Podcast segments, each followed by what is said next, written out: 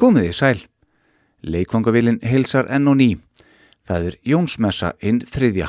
Ég er Alli Hergersson.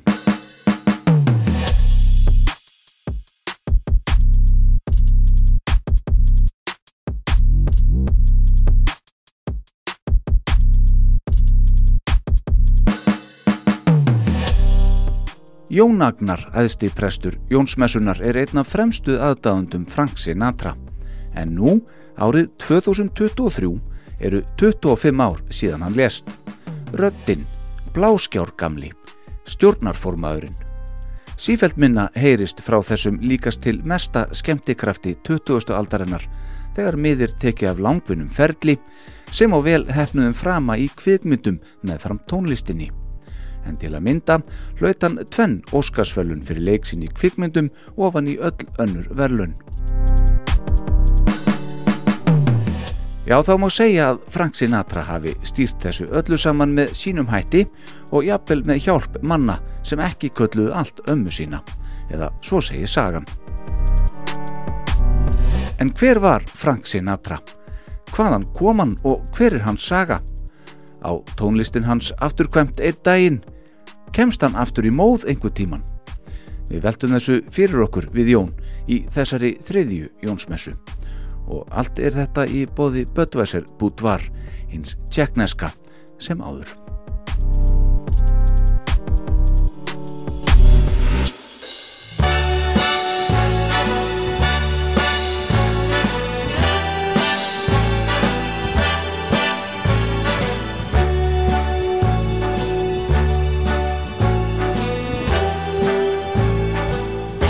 Start spreading the news.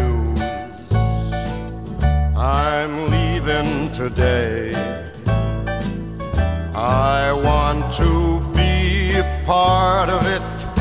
New York, New York. These vagabond shoes are longing to stray right through the very heart of it. New York, New York.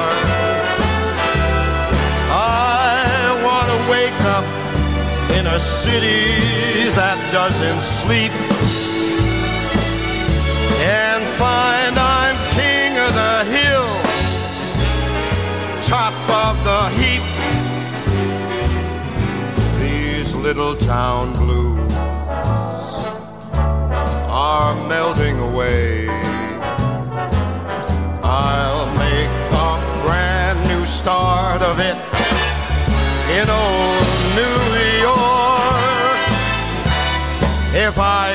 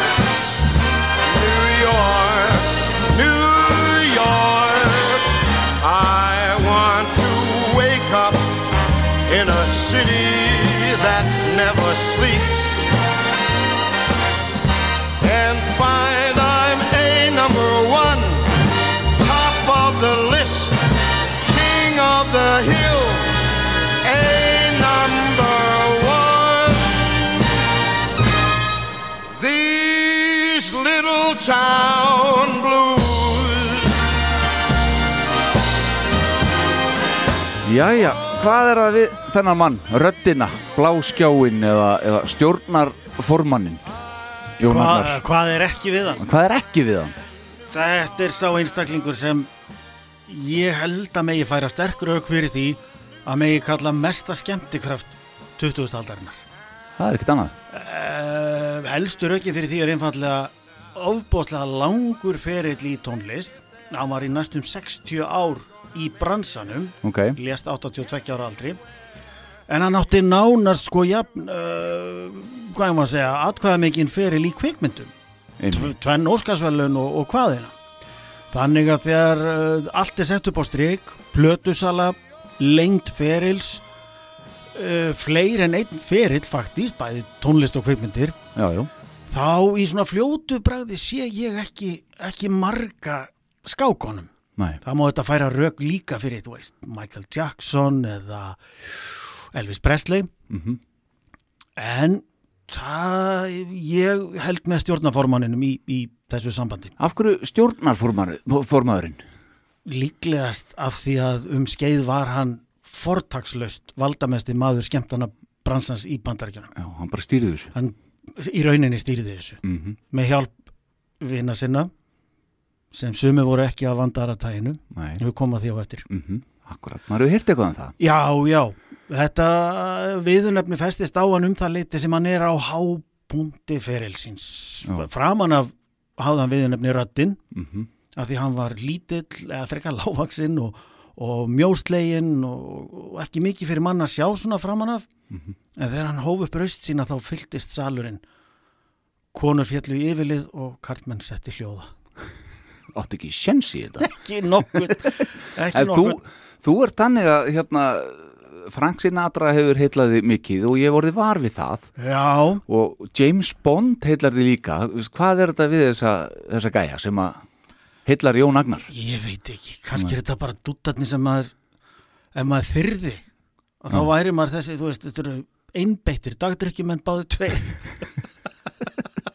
er- Ef þú bara myndið þóra því. Ég- Já, einmitt, einmitt. Þetta eru náttúrulega bara briskir menn og brotnir meira að minna Mhm. en um leið alltaf óaðfinnarlega til fara Mhm.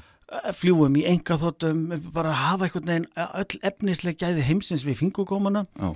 en þegar á hólminu komið er ekkit endilega víst að tilvera þeirra, tilvera þeirra sé alltaf eftir sóknu að verð sko. Nei, akkurat. Og það eru núna 25 ár í ár síðan að Frank Sinatra sem að er umfjöllun efni Jónsmessu númið þrjú lést. Mikið rétt, mikið rétt. Þetta gerist í mæ Já. 1998 og Bláskjár gamli hverfur að sviðinu daginn áður en ég fagnaði 25 ára mæli. Já, Ég er á þessum tíma að vinna í plötubúð í kringlunni. já, sem hefur komið fram Það hefur komið fram nú þegar, ég býð mikið af því, ekki síst af því að, og hér er nú rétt að, að, kasta fram eins og maður segir vondri íslensku smá sjátátt.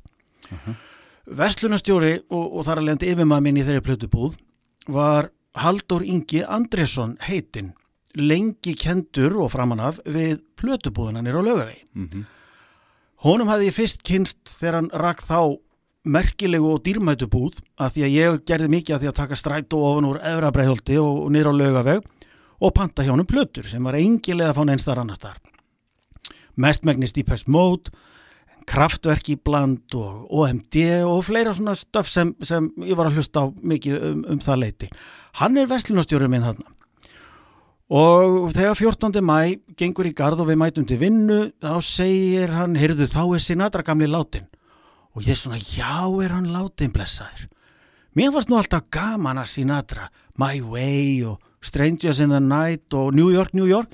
Stíð fíla þetta stöf. Þá sagði Haldur við mér, nei veistu, þú fer nú villu vegar hér. Þetta er setni tíma dótiða sem er ekki besta stöfið, sko. Og ég svona, forvöldin mín var vakin og ég segi nú býtu hvað er góða stöffið hans það er 50-sið það eru hérna harmþrungnu balluðuplötuna sem hann gefur út þá. Mhm.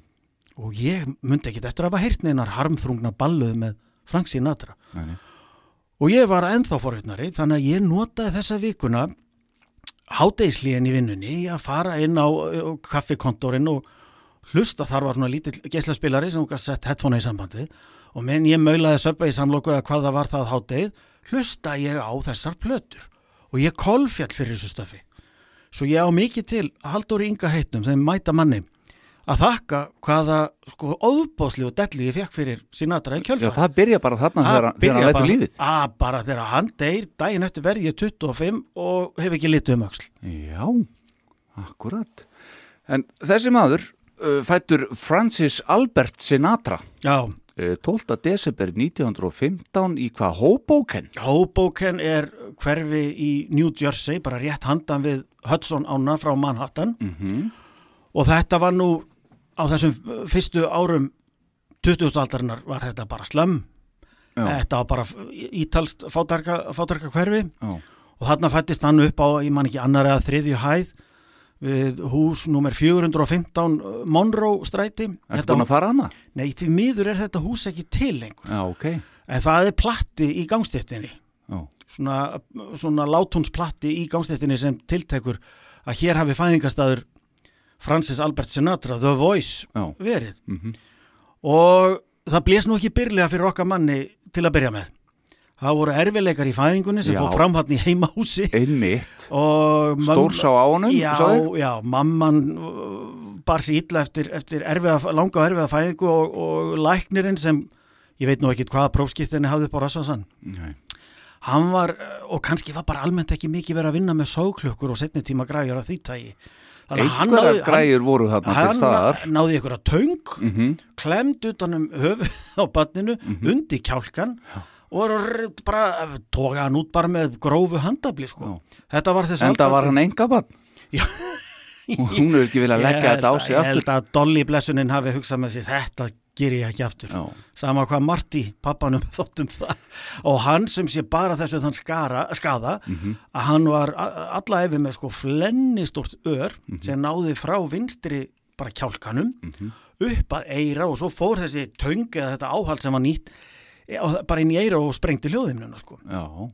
en Hann heyrði ekkert með öðru eiruna. nei, hann var kalla, hann var mjög heyrnar skertur ef líklega orðið Já, hérna á vinstra eira en, og læknunu fyrst að, sko, fyrst að guttin hrein ekki af, af uh, sársöka við þessar aðfarir þá leit lækninu svo á að hérna hessu batni verður nú líklega ekki bjarga og lagði það bara eitthvað borð eins og, eins og hvert annað bara hrúald Mm.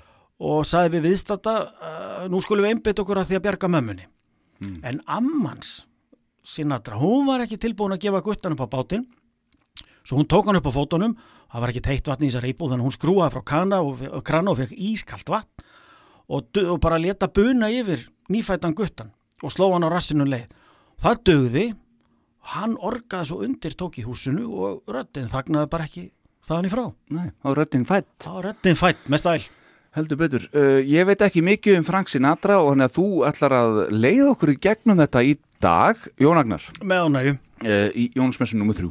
já, Uh, ég er þó með einhvern smá svona, hvað við að segja, bakgrunn mm með mannin og það er kannski gaman ég myndi fara í gegnum það og svo bara er sviðið þitt. já þakkaði fyrir ég vænti innskotum frá þér algjörlega, það mun vera. Uh, en sem sagt, uh, hann er semst fættur hérna 12. desember 1915 í Hoboken. Fadir hans, Antoni Martin Sinatra, skýrður Saverio Antonio Martino Sinatra, fættur þann 4. mæ 1892 í Palermo, Sikilei, Ítalíu, en fluttist til eh, Bandaríkjana 11 ára gamall árið 1903. Hann var svo síðar slökkulismæður í Hoboken, baregandi átti staðin Marty O'Briens og atvinnu boksari um tíma, en þá undir mitt nafninu Marty O'Brien. Þar sem Ítalir voru nefnilega ekki velkomnir í boksenuna hann á þessu tíma. Þessi Antoni Pappans lest úr hjarta áfallið þann 24. janúar 1969, 76 ára aldri. Viltu bæta við þetta, Jón? Nei, ég veit nei, það er svo sem ekki miklu við þetta bæta en þarna einmitt kemur inn á það að, að Sinatra er sonur ítalskra innflytjenda Já. fyrstu kynnslóð, Já. þvottekta Ítali, hvað það varðar Mm og það átt eftir að fylgjónum þótt þú tækir strákin úr ítalska slömminu þá tókstu ítalska slömmið ekki svo glatt úr stráknum. Einmitt. Mammans Natalina Maria Vittoria Garaventa eða bara Dolly Sinatra. Hún fættist í Lumarzo á norður Ítalíu í desember 1897. Hún fluttist með fóreldur sínum með til bandarækjana um tveggja mánuða aldur og á fullorunns árum sínum var hún áberandi í lokalpolítikinni í Hoboken á samt því að vinna á barnum þeirra Antoni, Marty O'Briens en einnig vann hún fyrir sér sem ljósmóðir og ég las að hún er meðal annars talinn hafa veitt fjölmörgum konum ólöglega aðstóð við fóstureyðingar og sínum starfsferli. Eitthvað sem náðist ekkert að sannast almenlega að mér skilst. Nei, ég held að fólk hafi gætt þagmæl sko, hún var að þessu sko að því að kathólskan bannaði þetta með öllu en það kom fyrir auðvitað að einhverjar ungar mæður sáu bara ekki með nokkrum hætti fram á að geta uh, hérna séð börnum sína fyrir farborða eða, eða voru, við má vita hvað, fórnarlamp nóðgunar eða eitthvað svo leiðis. Akkurat. Þeim allavega leist ekki á að, að, að færa barni sem það bárundi belti í heiminn og, og hún hjálpaði þeim við, við þungunarofið Mm en það var náttúrulega allt saman í skjóli nætur og, og, og, og bak við luktadir. Akkurat. Uh, Antoni og Dolly egnuðust uh, þetta eina barn eins og komið uh, inn á, sjálfan Frank Sinatra árið 1915. Fæðingin hjá Dolly eins og sagður á hann, sem þá var 18 ára, gekk fremur illa og þurfti mikið átak við að ná Frank í heiminn með töngum og tólum þess tíma og það sem var við hendina kannski. Frank barið mitt uh, þetta ör eftir fæðinguna og vinstri hlið andlit síns uh, sérilagi við vinstra eirað alla sína tíð.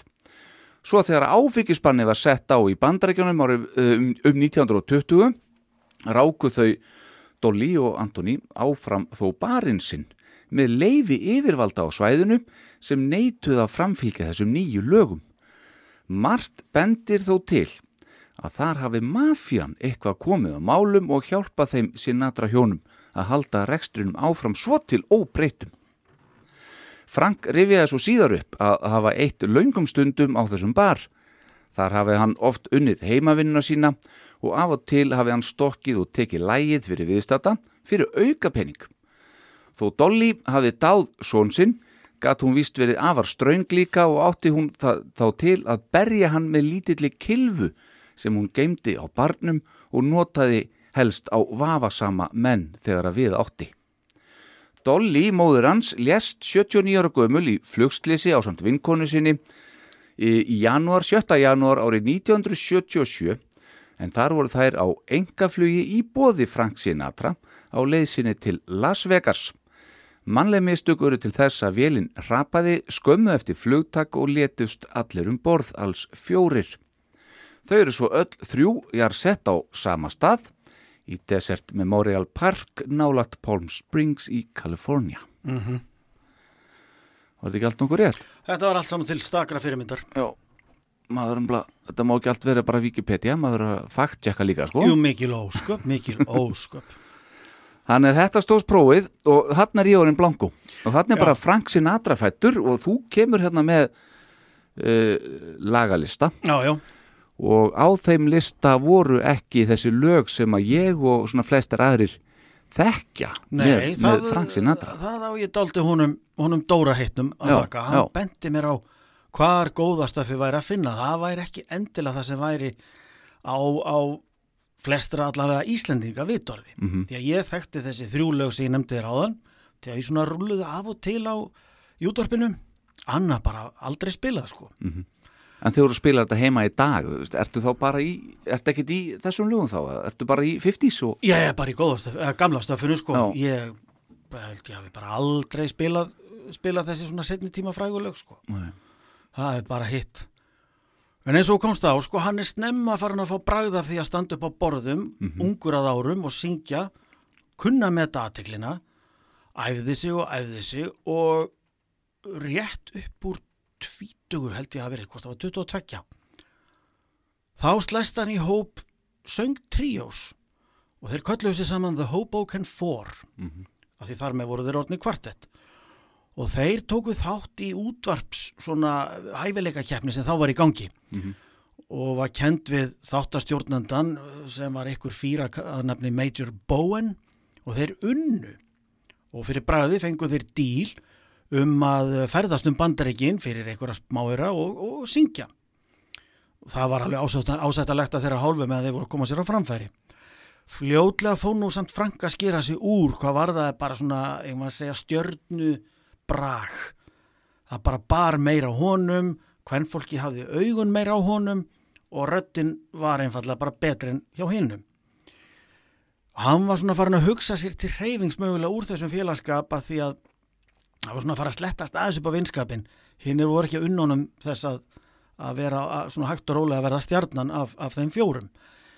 Þegar uh, hljómsveitastjórnandin Harry James, hann stýrði nokkuð vinsætli svona big band sveit sem voru þá heitasta heitt út um öll bandaríki. Og hún er list vel á þennan, þennan hóra gutta með röddina og spurði, þetta er í júni 39, þá var hann orðin 24. 39? Já, hugsaði hvað er langt síðan Já. þá segir Harry James, heyrðu mér líst nú bara nokkuð vel á þig pjakkur ertu ekki til að koma og syngja með með bandinu það held nú Sinatra og uh, hann Það er svo söng skilið við hérna já, já, Var það ekkit úr þeim eða? Nei, nei, nei, ekki nokkuð hlutur. Nei. Seldu sinn sjó og, og, og fóru bara eflaust og tóku við heilsölunars pappa eða kláruðu rafvirkjan eða eitthvað.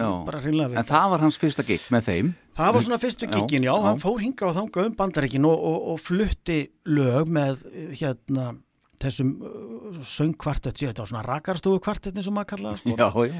The Hoboken 4 en fyrsta stökkið upp á við þannig lagað á framabrautinu var þegar hann hérna slæst í hóp uh, með uh, stórsveit Harry James. Og þá fór hann að komast inn á, á vinsaldalistana Brassir náttúrulega óbúslega stórt hann alltaf heldur og fylgdónum er inn í alla tíð? Já, því hann trúði alltaf, alla sína tíð á eigum að segja kemistríuna, því það orðið kannski ekki til alveg á íslensku milli söngvara og hljómsveitar í lifandi flutningi. Þannig að plöturnar sko 10, 15, 20, 30 ára setna eru alla teknar upp inn í bara sal þar sem það er orkestra með stjórnanda og hann syngur. Þetta, þetta var einfallega bara, bara, bara live? Er live, í rauninni Já. er þetta live upptökur Já, já. og það er ekki fyrir en undir það allra síðasta þannig laga sem hann fjælst á að prófa það að syngja sem sagt með heyrnatól yfir fyrirfram tekna tónlist. Mhm. hann bara, hún fannst þetta glata.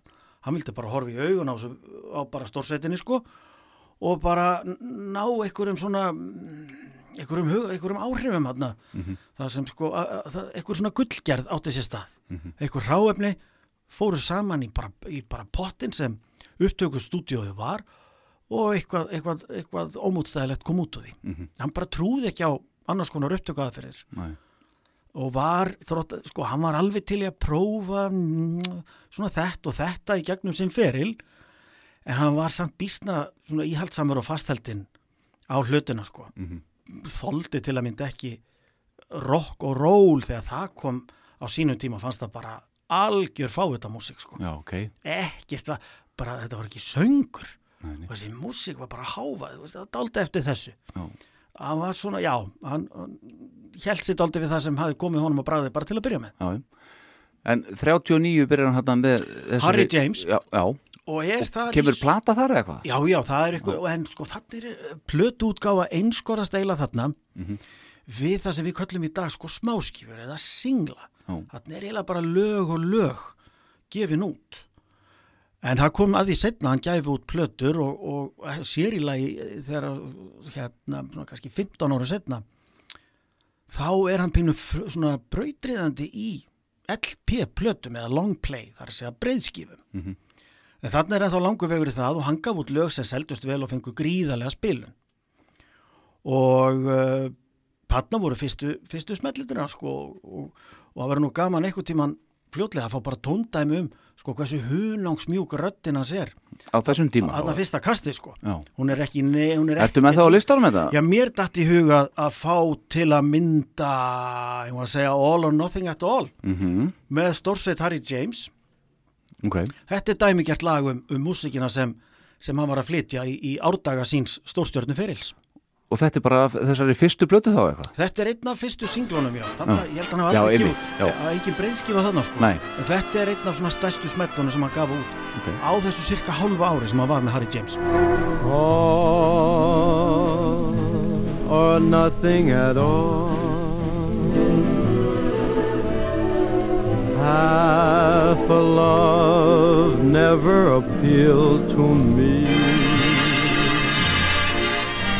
If your heart never could yield to me, then I'd rather have nothing at all. All or nothing at all. If it's love, there is no in between. Why begin and cry for something that might have been?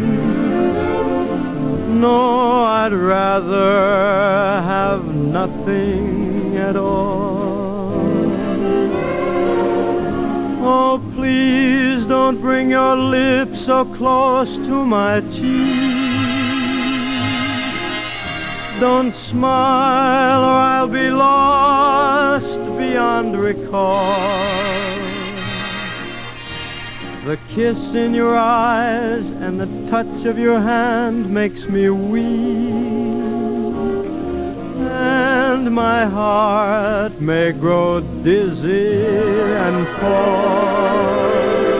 And if I fell under the spell of your call, Þetta eru um, hvað, 24 ára gammal, mann? Svona hljómaði röddinn 24 ára þér. Þetta er flauelsmjúkt og fínt og virkaði eins og Harry James bar kennsla á. Og fleiri báru kennsla á. Á þessum tíma er stærsta og vinsælasta stórsveitin í bandaríkjanum The Tommy Dorsey Band. Og Tommy Dorsey var sagt, svona bandlítir eins og það hélt, hétt Já, básunuleikari sjálfur, mjög flingu músikant og stýrði þessari óskaplega vinsælu hljómsveit. Honum leist vel á það sem hann sá, svo hann setti sér í samband við Sinatra og saði, ertu ekki til í að koma yfir til okkar? Og þetta er svona eins og ef að sko söngvara í bara mátulega vinsætli breskri svona einhverju mod hljómsveit 1963-4 og eins og honum bæru skilabóð frá John og Paul sem segðu, heyrðu, má ekki bara bjóða þær að koma í bílana? já þetta er svo liðis. Þetta er þannig. Þetta er bara langstæsta og vinsælasta hljónstinn og engilega segja nei við því. Harry James tók þessu nú bara býstna vel.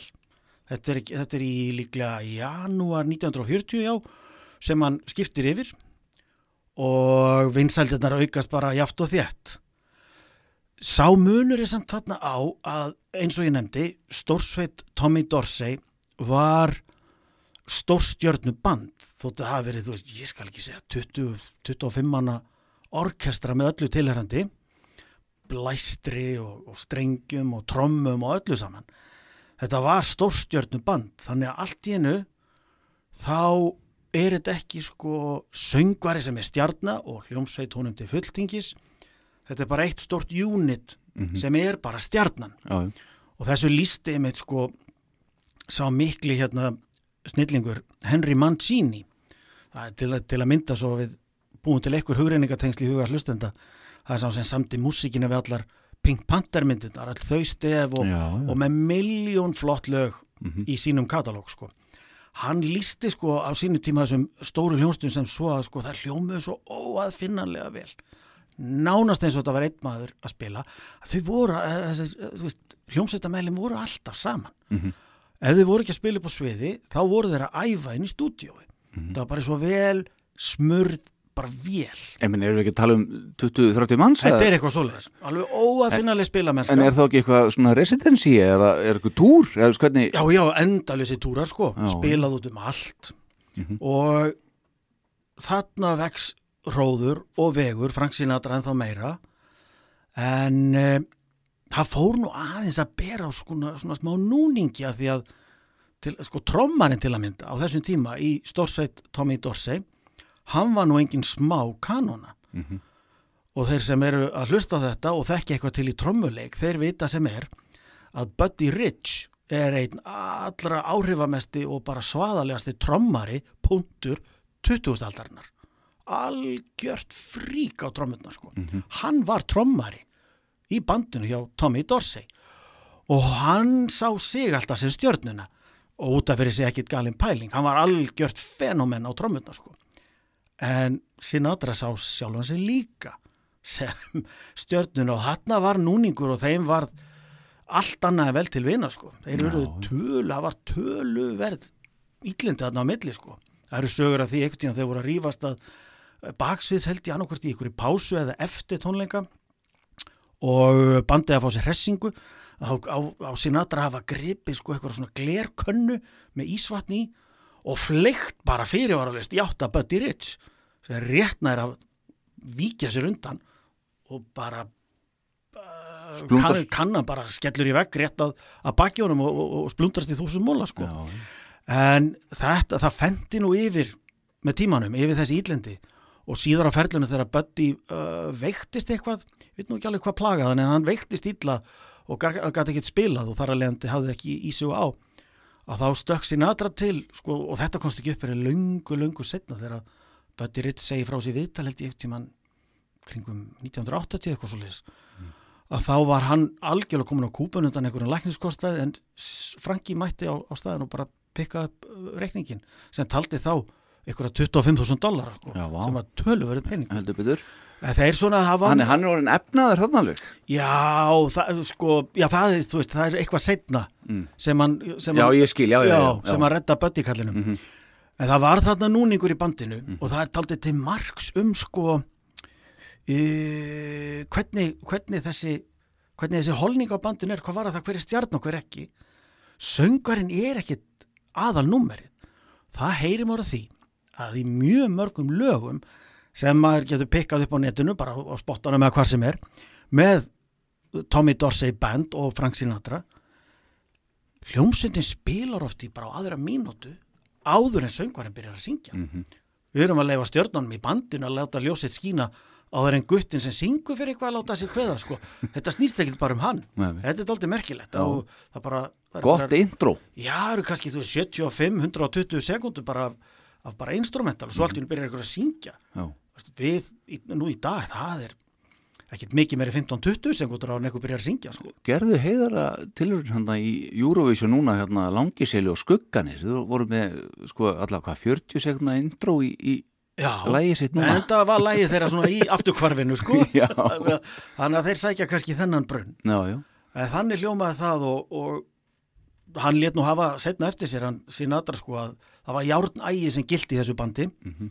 æfingarna voru nánast bara öllum stundum eða þið voru ekki på svið að spila. Og hann viðkendi að hann hefði óttast eða svona verið smeykur allt sitt líf. Allir sko skuggabaldrarnir sem hann hitti um sína daga hann, hann var smeyku við tvær manneskjur um sína daga. Móður sína, Dolly við kilvuna og Tommy Dorsey. Já, ok, Já.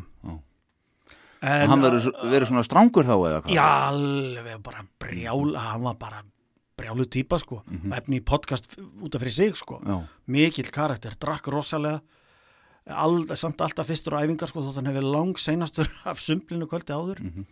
Og bara mikil típa sko, og svo dó hann fyrir aldur fram, ég held hann að það dái svipum döðdag og John Bonham, já, já, svoleiðis. Þannig að þótt að hann væri sko hérna, rock döða Ég er að segja það, þótt að hann hafi verið básunuleikari í brassi, brassbandi, þá var hann hálfgerður rockari sko. En Sinatra átti húnum mikið að þakka í sjálfu sér því að sko, Sinatra var alltaf einhvern veginn að svampa, hann var algjör svampur á áhrif. Og var alltaf að reyna svona átt að segja á því hvernig get ég gert það sem ég geri betur? Og af hverjum get ég lært og eins og ég nefndi, hann, var, hann er básunuleikari, var hann Tommy Dorsey og Sinatra átt að segja á því að hann gætt haldið alveg óskaplega löngum tónum á básununa alveg bara endalust nánast. Og hann sá það að hann, Dorsey þar að segja meðfram því sem hann blæri munnstekki á básunni þá lauma hann inn lofti inn um munnvikið. Já, til að bara geta bara þanið lúðurinn úti þá óendalega að, það því að virtist.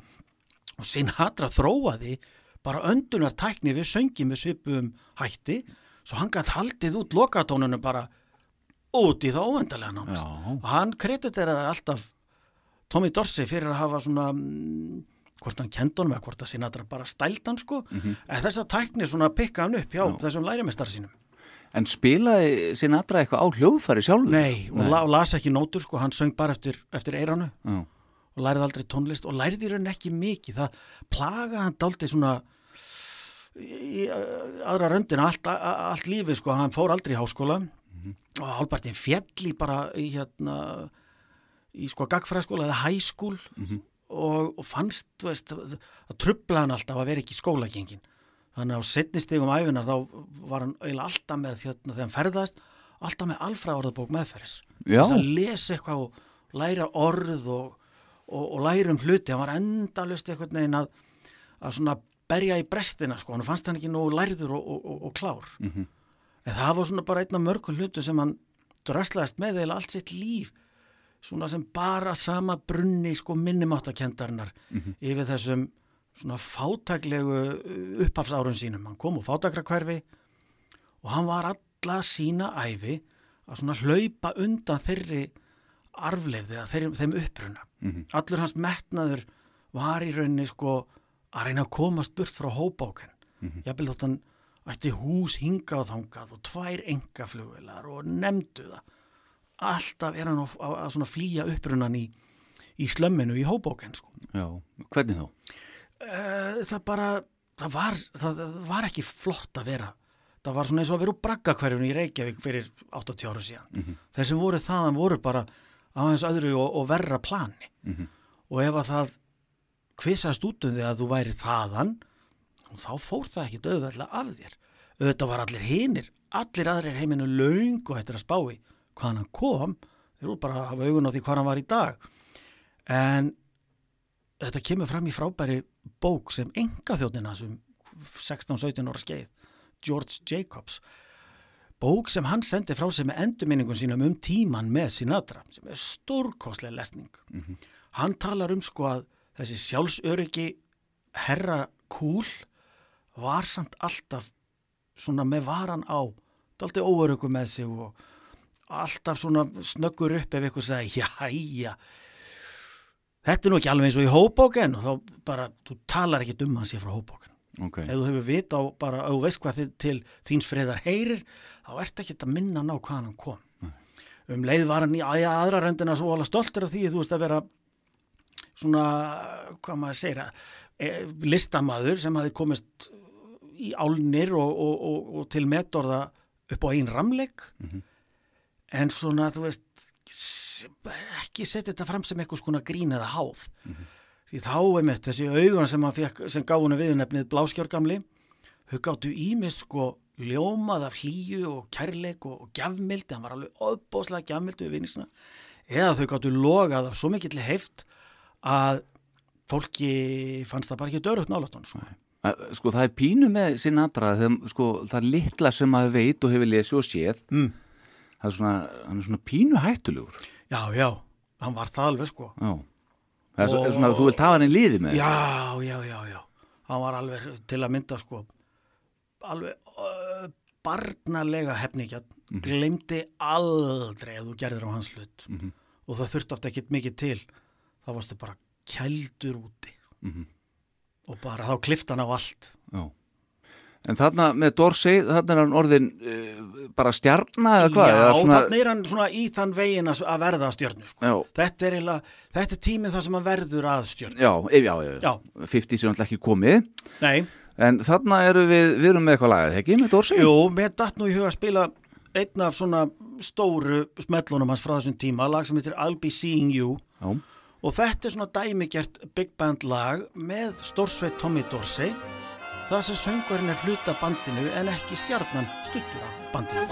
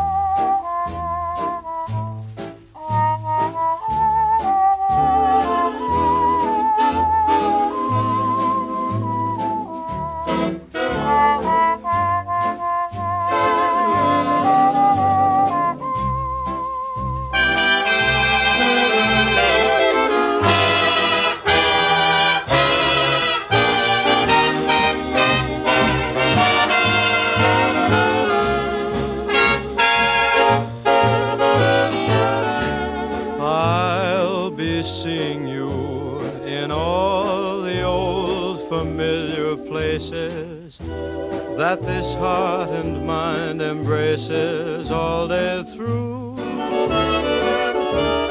In that small cafe, the park across the way, the children's carousel, the chestnut trees, the wishing well. I'll be seeing you in every lovely summer's day, in everything that's light and gay. I'll always think of you that way. I'll find you in the morning sun, and when the night is new, I'll be looking at the moon, but I'll be seeing you.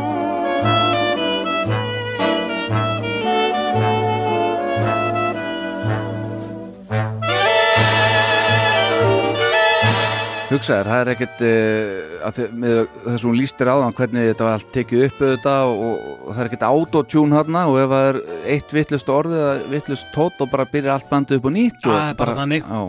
Það, þá bara slær hljómsættastjórun í, í, í púlti og segir bara frá byrjun. já, einmitt, hinn strangi Dorsi Já, hann var greinlega daldið skeri gaur sko Já. og uh, þarna kemur að að sínatra finnur að hann er að, að það er hann sem er að fara að trekja Mhm. á tónleikana með stórsveitinni Mhm. og hann fyrir að hugsa með sér ég þurfti ekki á Harry James að halda ég var að meika það Mhm. ég held ég þurfi ekki lengur á Tommy Dorsey að halda Nei. ég held ég sé fullfæri um að bara gera þetta einn Veistu hvernig þetta kemur út? Þetta lag er uh, 41 líklega, þetta I'll be seeing you. Ok, og þá til að halda tímalínni þokkalegri, þá er Nancy komin hann til, þarna, til sögu Já, hún, Nancy hún fæðist 40. Barbado? Já, Nei. þú ert að tala um eiginkonuna fyrir Big Nancy. Já, Já, já, já, æsku ástinn, hann kynntist henni og, og giftist og eignast með henni Nancy yngri 1940, mm sem lifir enn lifir henn og er til að mynda býstna virk á Twitter. Já, ok, Já, já, já. hvað er hún að segja þar? Hún er mikið til að, að, að urða yfir hérna uh, republikana í bandaríkjanum henni þykja, henni þykja þeir ekki ekki gæfulegir pólitíkusar um þessa myndir Hún er vinstri sinnuð og já, svona bara þú veist en ég minna að vera vinstri sinnar í bandaríkjanum en alltaf bara svona hóflega hægra með við miðjuna hjá Íslendingi sko. Þú veist, hún nenni bara ekki Trump og, og, og, og svona kallar hann hálfgerða vitleysing sko. Já, og hefur meðal annars skotið einn sögu um það þegar eitthvað sagði alveg er ég vissum að, að pappiðin hefði ekki þólað Trump. Þá svaraði Nancy hann þóldi reyndar ekki Trump. Og, og lætu stutt að sögu fylgjum að, að Trump uh, í kringu 1990 þegar Sinatra var 75 ára sko hann, all, hann pantar hann á okkur tónleika í, ég veit ekki, jarðhæðin í Trump Tower eða guðma vita hvar. En kvöldi fyrir gig þá hefur einhver lögfræðingur á vegum Trump samband og, og vil lækka prísin Frank fyrir ekki að þú ert að tala um stjórnaformannin engin afsláttur hann auðvitað sagði þessu lappakút bara fara í rass og rófu sko. Auðvitað. Að sjálfsögðu. Það er önnu saga. En Nancy Barbado, já, uh, hún er æsku ástirans já, þau byggu svona á svipum slóðum í hópbóken og feldu hugið saman og, og hún stóð keik með sínum manni framan af ferlinum og, Til 51 vandalega Já, og sko henni var býstna langra lífdaga auði. Já, hún var 101 ás og það eru bara held ég 2-3 ár. Hún dó 2018, samkvæmt mínu gögnum hér. Ah, ok, 2018, hugsaðir Já, einmitt. Og hérna Vá, þú eins og segir, þú voru gift ha, hafingjusamlega framan af.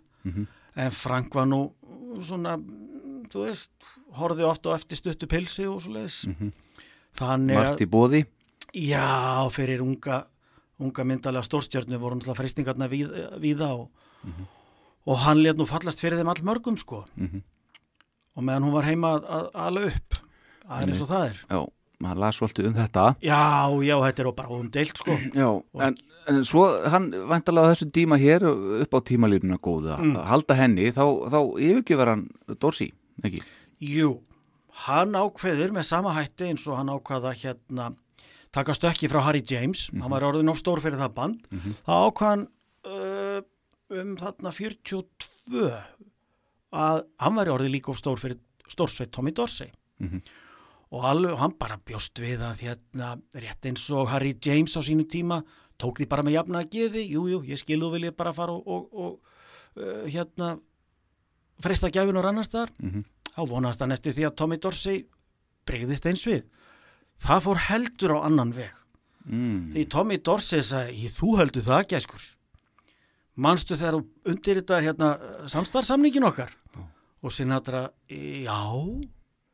Já, kíktu nú á smáletri vinnur þar stendur að ef hann yfirgefi stórsveit Tommy Dorsey að fyrra bræði þá þurfa hann að borga Dorsey það sem hann eigi eftir ólifað ég held 42% af tekjum sinum Jú, þetta er að lélugu samningur það sem hann á eftir ólifa sko, ég þekki náttúrulega ekki alveg söguna frá þeirri undirritun en ég hugsa sín aðra, hafði bara hugsað með sér.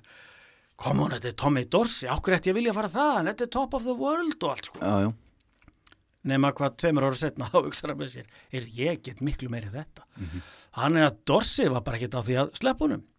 Og það bara við svo uh, varð sín aðra una um skeið undi hag sínum illa því hann vildi komast á braut og bara springa út sem sólulistamæður eins og goðið Bing Crosby.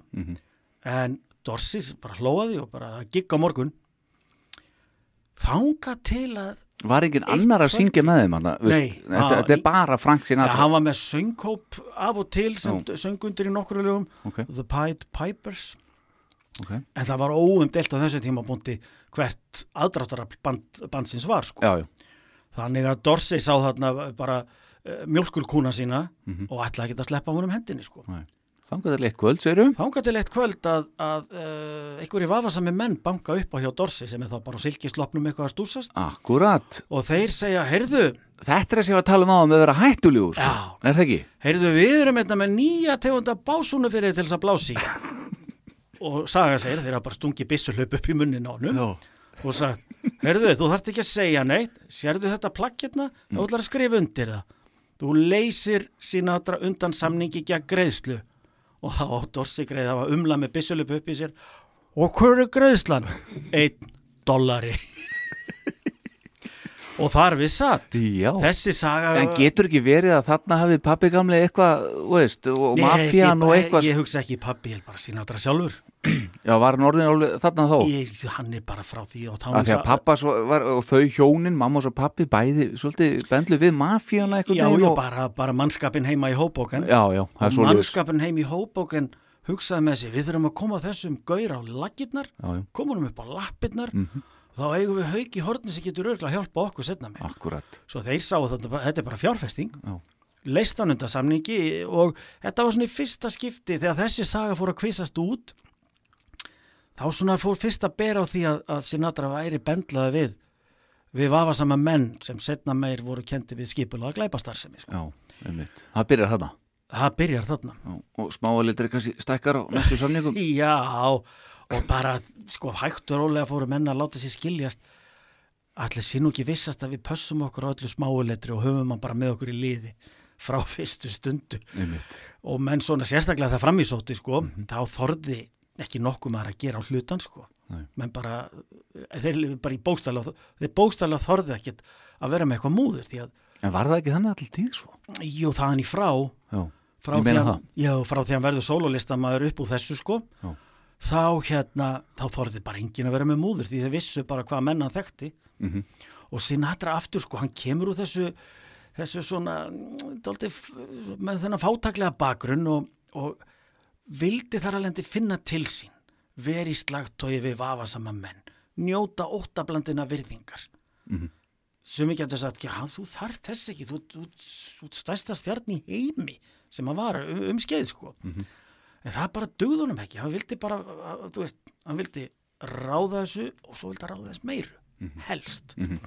Og það gekk bara framan að því að það voru með setna meir, þá var hann einfallega bara trúnaða vinur nokkur að valdamestu mafjósana bara í bandaríkján það er bara þannig?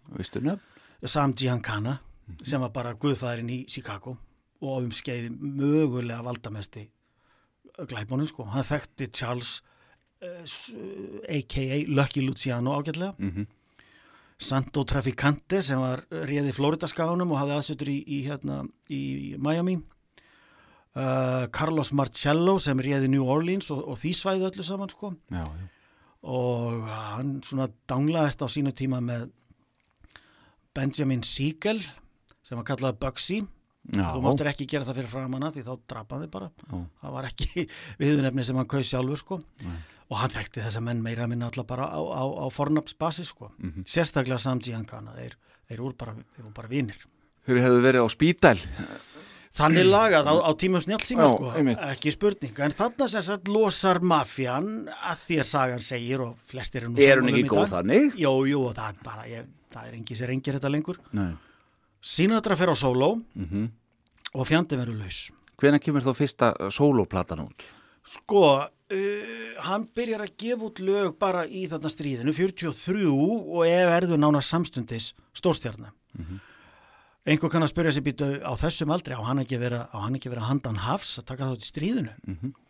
en hann fór og, og ætlaði að skrá sig í herin en var vísa frá að því hann var með ónýta vinstri hljóðhimnu sko. Hann var bara fekk einhvern veginn F4 óhæfur til herþjónustu Já. menn hafa sagt að vafasami menn hafa nú heimsótt læknin ætlar að skrifa fjórir F hann við þurfum að hafa hann hérna í landinu sko Með sömu básunum áður? eða? Öruglega með Já. eitthvað blástu sljófæri Ég reyndar þekki þá sögu ekki sko því það er óumdelt að hann var með hálfa ónýta vinstri ljóðinu Mhm. sko.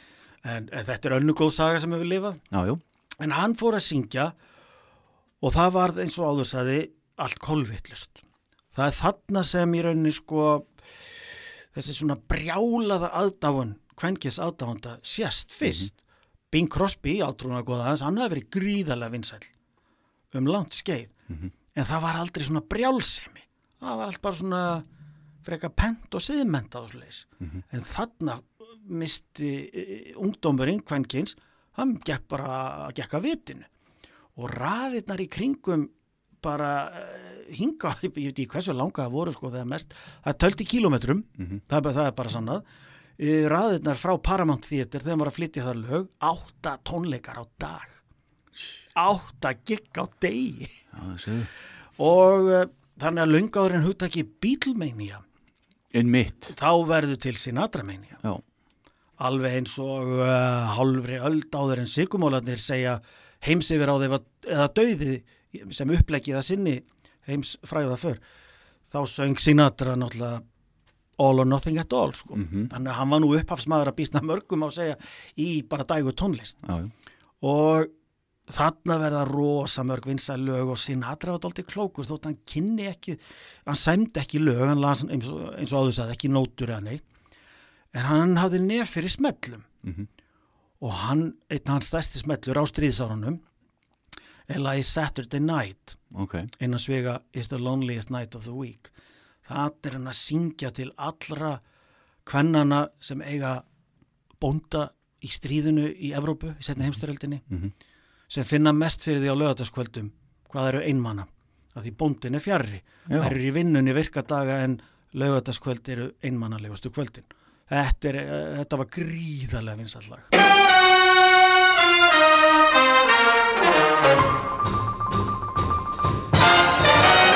Saturday night is the loneliest night in the week. Cause that's the night that my sweetie and I used to dance cheek to cheek. I don't mind Sunday night at all. Cause that's the night friends come to call. And Monday to Friday go fast. And another week is past. But Saturday night is the loneliest night in the week. I sing the song that I sang for the memories I usually seek. Until I hear you at the door. Until you're in my arms once more. Saturday night is the loneliest night of the week.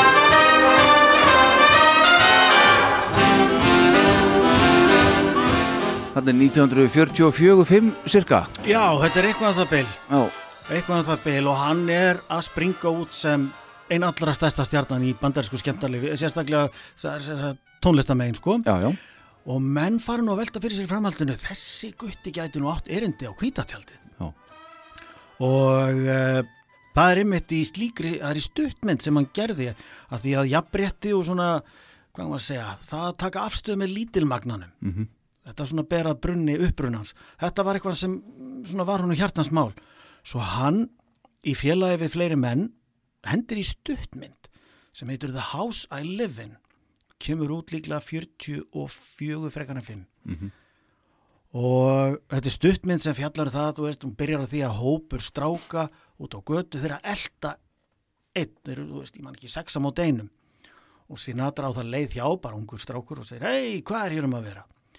Já, við viljum ekki þennan pjakk í hverfin okkar. Það var strákurinn sem þeirra elda, þannig geðingur. Svo Sinatra svona spjalla við það og, og, og leggur þeim lífsreglurnar og syngur lagið The House I Live In og þá er sko húsi sem hann býr í, hann er að lýsa mismunandi fólki sem býr á mismunandi hæðum, húsi verður svona myndlíking, myndlíking fyrir bandaríkin.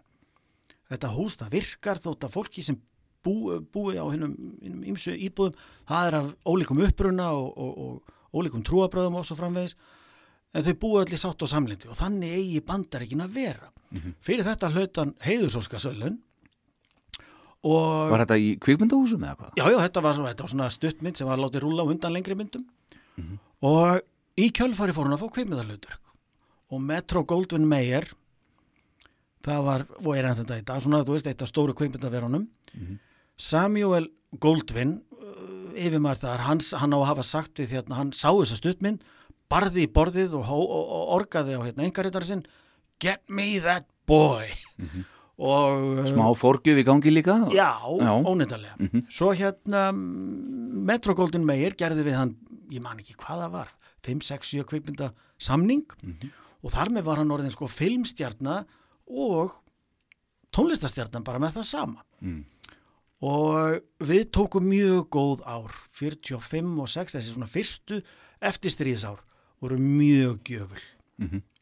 Og hann leiki myndum sem eru mjög vinsælar alveg til til að mynda 49 á leikur hann í söngleik sem var gríðarlega vinsæll og hétt On the Town síndur í rúf fyrir martlöngu síðan og hétt þá Líf í tuskunum Mhm. um þrjá sjóliða sem koma í land í, í, á Manhattan og fara hérna og, og slett úr klaufunum í New York uh, eina kvöldstund, pikk upp dömur og hafa gaman.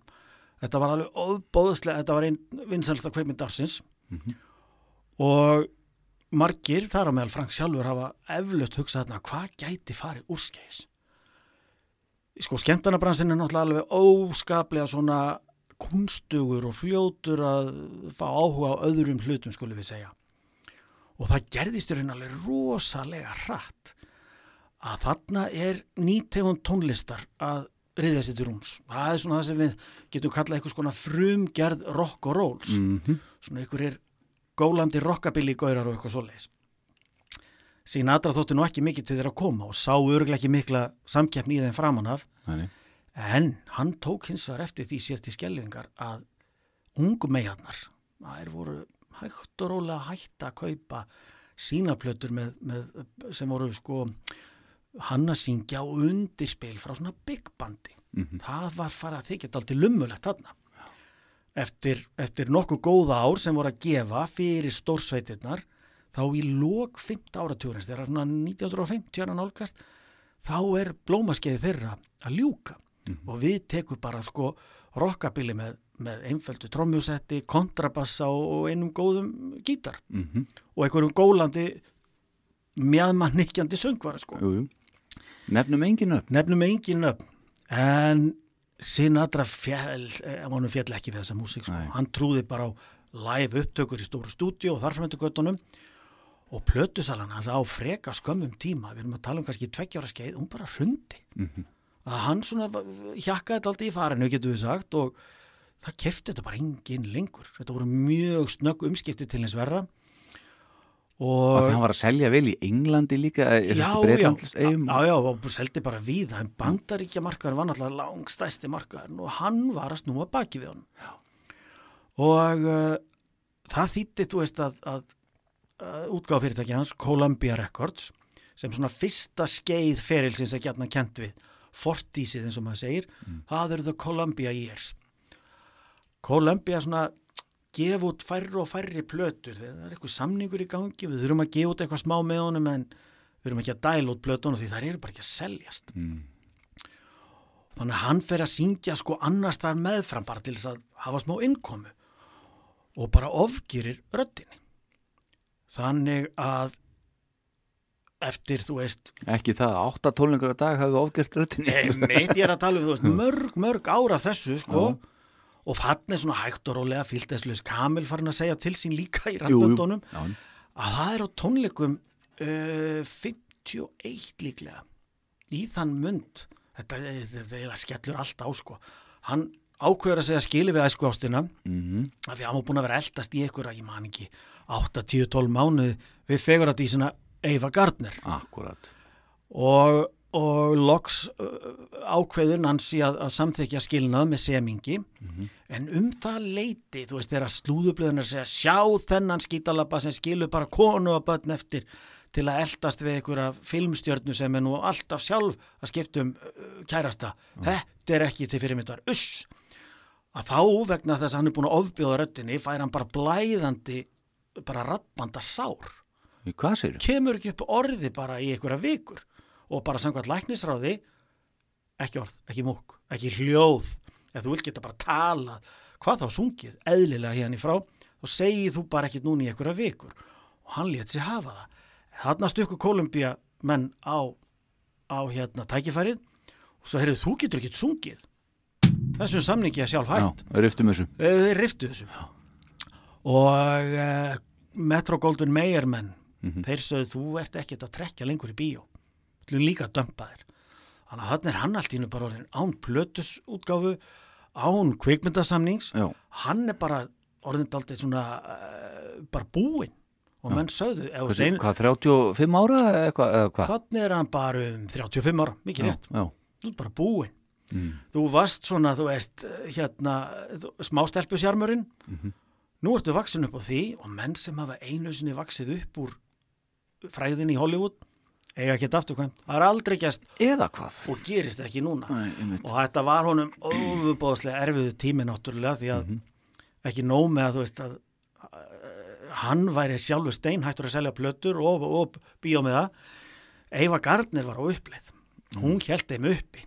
Hann var bara hálfgerðu þurfalingur hjá henni sko. En já, ok, hún sérst leikona og, og hérna, hann byrjar með henni og giftist henni, já, held, en 51, giftust- Já, og skilja 53. 57, Var það ekki fyrir þá? Þau voru löngu hætt saman. já, ok, Já, ok, þau skilja ekki fyrir þá. nei, nei, þau voru löngu hætt saman. Sko. en þarna má ekki gleyma því í mittiltíðinni, tímalínan góða, Já, er náttúrulega búin að eignast þarna Frank Sinatra Jr. heldur betur. 44 Já, og svo Kristínu Sinatra, Tínu Sinatra, tínu litlu, já. 48. Akkúrat. Frank er látin, lest, uh, lest 2016 og hjartáfelli 72 ára en, en Tína Sinatra lifir enn.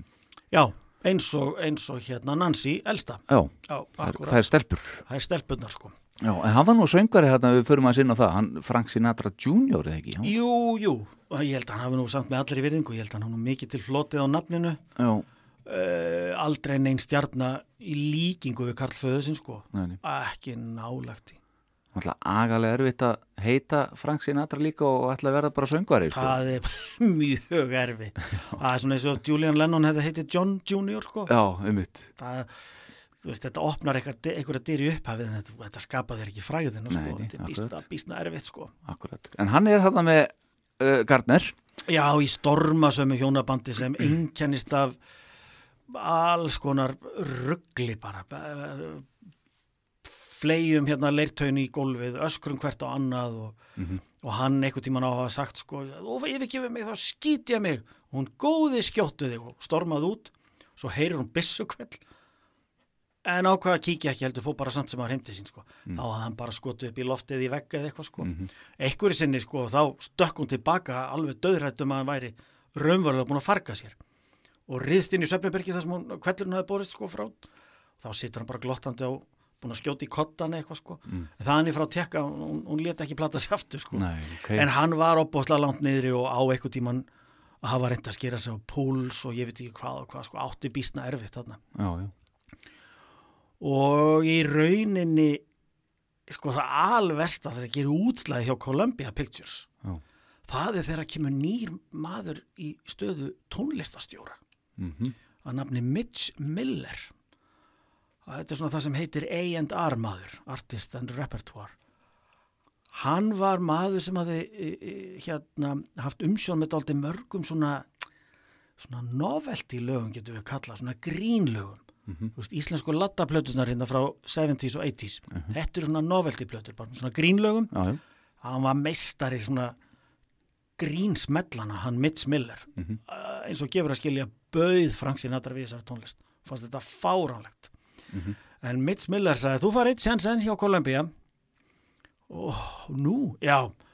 Og hann skikkaði til að syngja lag sem er nú almennt álitið meðal þeirra sem þekkja til ferils Frank Sinatra lagpunturinn ok. Algjört rock bottom þá var hann settur í duett með einhverju laglausu fyrirbæri sem var reynda, nokkuð vinsælt í sjónvarpinu. Ó, einhver bandarískona sem eða kallaði sig Dagmar eða Dagmar. Ok, og lægi þeirra það er svona, já ég hugsa fæstir að veirta sem hlýða á þetta podcast. En það heitir sem sé Mama Will Bark. Og er alveg voðalegt að á sér ákveðin sko lægið er lágpuntur en lágpunturinn er þegar Frank Grey þarf og til að segja hot dog woof og svo inn á milli heyrist ylfur og það fyrir tvennu sögum að því hvort að Frank hafi sjálfu þurft að ylfra eða einhver gesta ylfrari hafi verið fengið til þess. En þetta er ferlagt lag og algjör lágpunktur.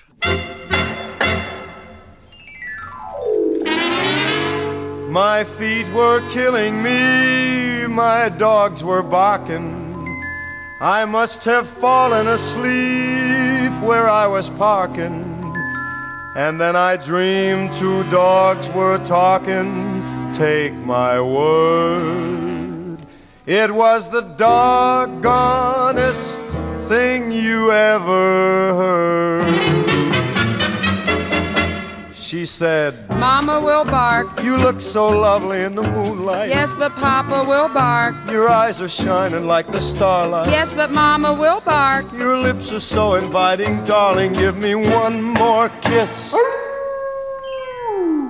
Mama will spank. The night is young and you are here so near. But Papa will spank. Please let me whisper in your ear, my dear. But Mama will spank. This is the moment I have dreamed of, darling. Oh, what a bliss. I think that I shall never see a tree as lovely as thee. Hot dog, woof. Take me right home. I wish the night would never end. I know, but Papa will spank. I'd like to be more than a friend. I know, but Mama will bark. You know I'm crazy about you, honey. Give me one more kiss. Give me a kiss. I really have to go. My Mama will worry. Give me a kiss. It's getting late. I really have to hurry. Well, just a teensy weensy little one, and then good night. Þetta er bara Who Let the Dogs Out þetta, þess tíma? Það er þetta bara býstna vel mælt sko. Þetta En hún getur ekkit sungið greiði, Dagmar. Hver, hver er þessi Dagmar? sjónvars típa sko var þetta býstna stórt nafn í sjónvarpi upp á 1950 Er þetta bara svona einhver British Gram einhver eða hvað? já, ég, ég minna þú heyrir hún er ekki með söngrödd. Nei, ég veistu, ég hef aldrei borðum eftir því að, að Nei, leitað neina með henn á YouTube eitthvað þú eflust sér eitthvað til sko. En þetta hann þú, þetta var einn af hlutunum sem myndist ekki á við hann. Nei, þaðan í frá. Hræðilegt. En þarna sko er hægt og rólega að flosna eh, upp úr sambandinu við Eifu Gardner eftir mjög storma saman tíma. Mhm. og uh, hann fær pata af því, hann Frank að það er að fara að gera kvikmynd eftir mjög umdeildri bók eftir James Jones sem hétt From Here to Eternity og fjallað um svona alls konar eigum að segja va- vafa saman lifnað banderskar hermana að Hawaii í aðdraganda árásarinnar á Pearl Harbor. Mhm.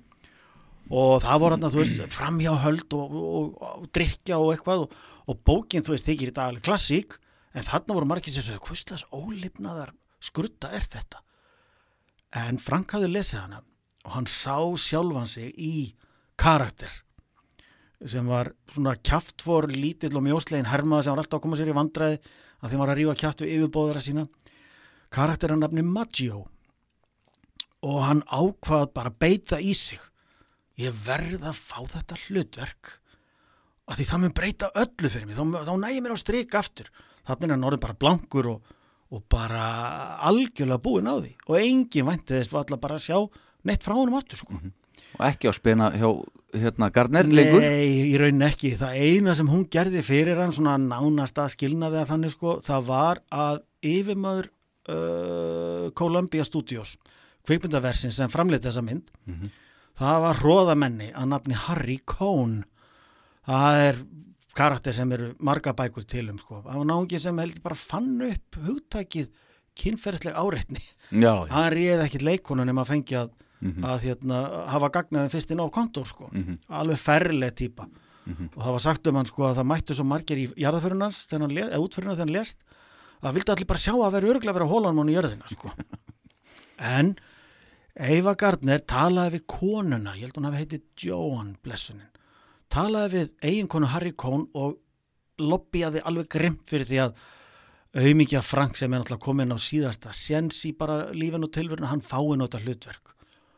Og Harry Cohn var ekkit á því.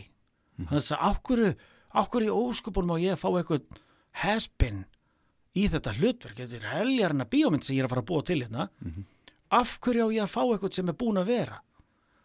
Nema enn og aftur fór að heyrast sögursagnir um það að vafasami menn sem ekki allir telja fram til skatts skulum við segja hafi heimsóttan og gert honum tilbúð sem hann gæti ekki hafna bara ekki séns. Nei. Nei. því að þegar tilkom þá fekk hann hlutverkið. Það þótti standa sér frábælega og hann var tilendur til Óskarsvæluna fyrir bestan leik í auka hlutverki hann vann hlutverkið hérna segja fyrir ekki velunin já, og þá fór hann allt í hún að þykja þetta aldrei hot property aftur. Mhm. Og uh, út út úr út úr þessu að menn kannski kannast aldrei við þetta mótíf einhver sem er komið svona daldið í rennusteinin byður um hjálp við að fá hlutverk í það manni bjarga ferlinum. Mhm. þetta er aðri beint úr kvikmyndinni og bókinni um Guðföðurinn. Mhm. Þar sem einhver svona uh, hálslompaður og sjúskaður og algjörlega komin á síðustu stoppustu einhver söngvari byður Don Vito Corleone um að hjálpa sér að fá þetta hlutverk því það mun breyta öllu Mhm. og í myndinni þá svona ávítar Guðfæðarinn, leikina Marlon Brando hann ávítar þennan karakter þú ert ekki að hugsa um fjölskylduna hérna þetta er bara beint beint að Sinatra sko Mhm. en svo muna náttúrulega allir að, að, að það fara menn á vegum Guðfæðarsins og tala við framlegandan í kaupindinni og Toga í spotta? í ákveðna spotta skulum við segja. Og skilja eftir minjagrip í rúmunu hjá honum sem verður til þess að hann ákveða nú að hleypa þessum manni í hlutverki það gerist í raunveruleikanum, Sinatra fekk hlutverkið sló í gegn og þar með hefst eitt rosalegasta comeback nokkus listamanns sem hefur náð topnum hrunið á botnin og nær síðan ennþá hærri toppi í kjálfarið og það má auðvitað segja, þannig er ákveðin meðgjöf. Þú vinnur óskarsvæleun, þú verður allt í hennu, daldi heitur listamæður eins og sagt er. En það þarf að telja Sinatra þetta í tekna að hann kunni að finna sjálfan sig upp á nýtt, einhvað að segja. Mhm. hann vissi sem er, ég er ekki lengur þú veist, 20 og eitthvað ára gamall sætabröðstarengur sem halar inn allar ungu stelpunnar ég þarf að gera eitthvað aðeins annað. Mhm. svo hann gerði það. Og þarna er hann samt sem áður þótt hann sé sko farið með heiminn skautum í kjölfað þessa vinnóskasvölunin þá er hann líki í raunni búin að missa Eifu Gardner frá sér. Og þetta ítti náttúrulega undir það sem hann kallaði sjálfur að væri sko átján karata geðkvarfa sjúklingur Mhm. annarkvort er ég upp á toppi bara veraldarinnar eða ég er á botni kjallarans og við tekur útgáfu tímabil, hann komst á samning hjá Capitol Records. Og er hjá þeim 53-4 til rétt rúmlega 1960 þetta er gullöldin hans í útgáfu. Ok. Þarna kemur þú sterkur inn í allar plöturnar sem kom út á þessum tímabili Já. eru bara snild eru bara mestarverk og hann er að gefa út oft bara tvær plötur ári. Á ég og taldið ekki eftir sér sko. Og þess að milli gigga hann eins og geðveikum maður. Mhm. Og fyrsta platan sem hann gefur út og er svona það sem þá kallaðist innan gæsalega bara breið skífa já. Þarna komum við að því. Já, þarna, svona, hann var svo fyrsti, að með þeim fyrstu til þess að svona gera sér mat úr því Mhm. að gefa út stóra plötu. Þessar f- hérna 45 stúninga plötur sem voru kannski með fimm lög á hlið. Mhm. að því áður voru með bara að gefa út smáskifur og bara singla. Þarna þú veist, gefum út lag með nei fyrir ekki plötu með nokkurum lögum sem við getum, gefið út á singli en, en er alveg frístandandi bara listaverk út af fyrir sig og plöturna sem hann gefur út á þessum tíma hinn og svo kvöldlegu kapitól árum eru annarkvort gleði og glaum drifnar svona swing jazz plötur með big bandi sko Mhm. eða þetta eru svo nýstandi harmrænar og bara lamandi harmþrungnar balluðuplötur að þær voru hreinlega kallar The Suicide Albums. Já, þú meinar. og það sem hann syngur bara bugaður af harmi til glötuðu stóru ástarinnar í sínu lífi sem var Eva Gardner. Veit að þau mun ekki ná saman aftur sko. Hann sótti bara í eigin tilfinningabrunn og úr urðu plötur það dettur engum hann í huga efast um orð sem hann er að syngja. Það heyra bara allir tregan og harminn sem býr undir Hva, hvað er hann að sækja í eigin, að því að nú semur hann, hann samti örfa á texta, já, valla það, hann Nei, er náttúrulega með bara hyrð lagasmiði já, þannig að það er bara tilfinning sem hann setur í þetta kannski. Já, þeir og- sáu bara, vinnur okkar er hérna og hann sagði bara, erðu líður svona, svona? Í daldi mikið þannig Já. sko og þessi tveir sem sko sömdu hvað mest fyrir hann voru lagasmiðurinn Jimmy Van Huysen og textasmiðurinn Sami Khan Mhm. og þeir einfallega bara dældu út þeir punduðu í fangið á Mhm. lögum og hann s- aftur er pínu brautriðandi því að búa til það sem við getum kallað sko konsept plötur Já, já, í dag þá, þú veist, gripið plötu og það er restlag og það er ballaða og svo er eitthvað dundurballaða kannski og svo er eitthvað svona, hann bara gaf plötu með svona lögum eða plötu með svona lögum og það bara virkaði. og hvort hendar þeir betur? Ég er nú hrifnar að balluðu plötun sko. Já, þessum harm þrungum. Já, og það eru stór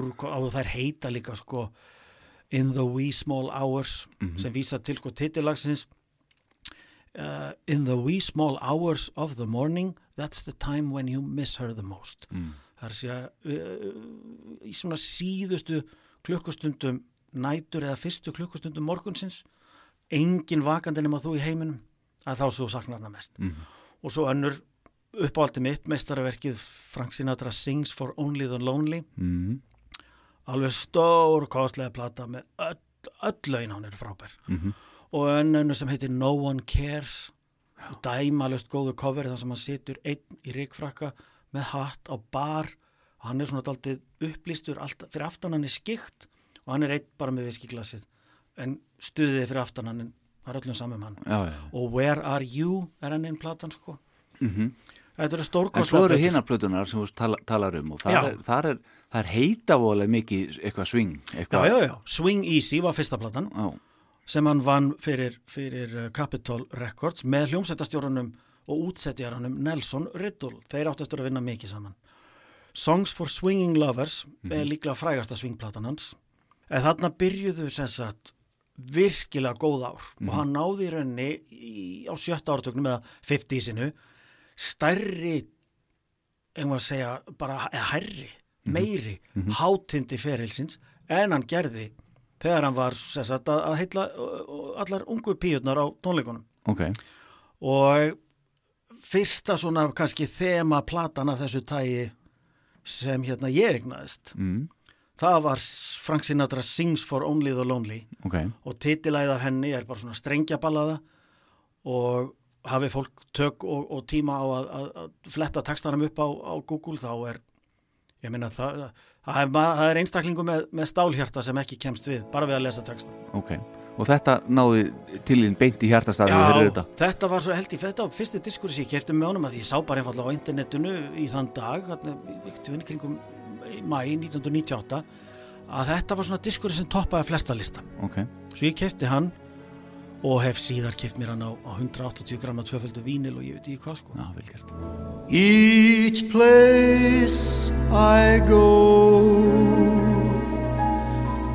only the lonely go. Some little small cafe. The songs I know. Only the lonely know each melody recalls a love that used to be the dreams I dream.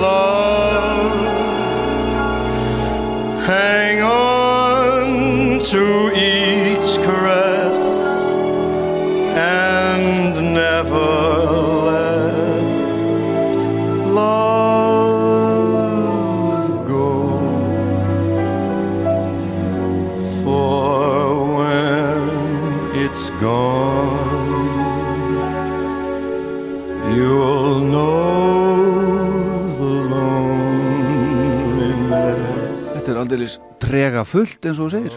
Já, þetta er, ég fæ alltaf gæsa húða framhandleikina þegar er þetta lag.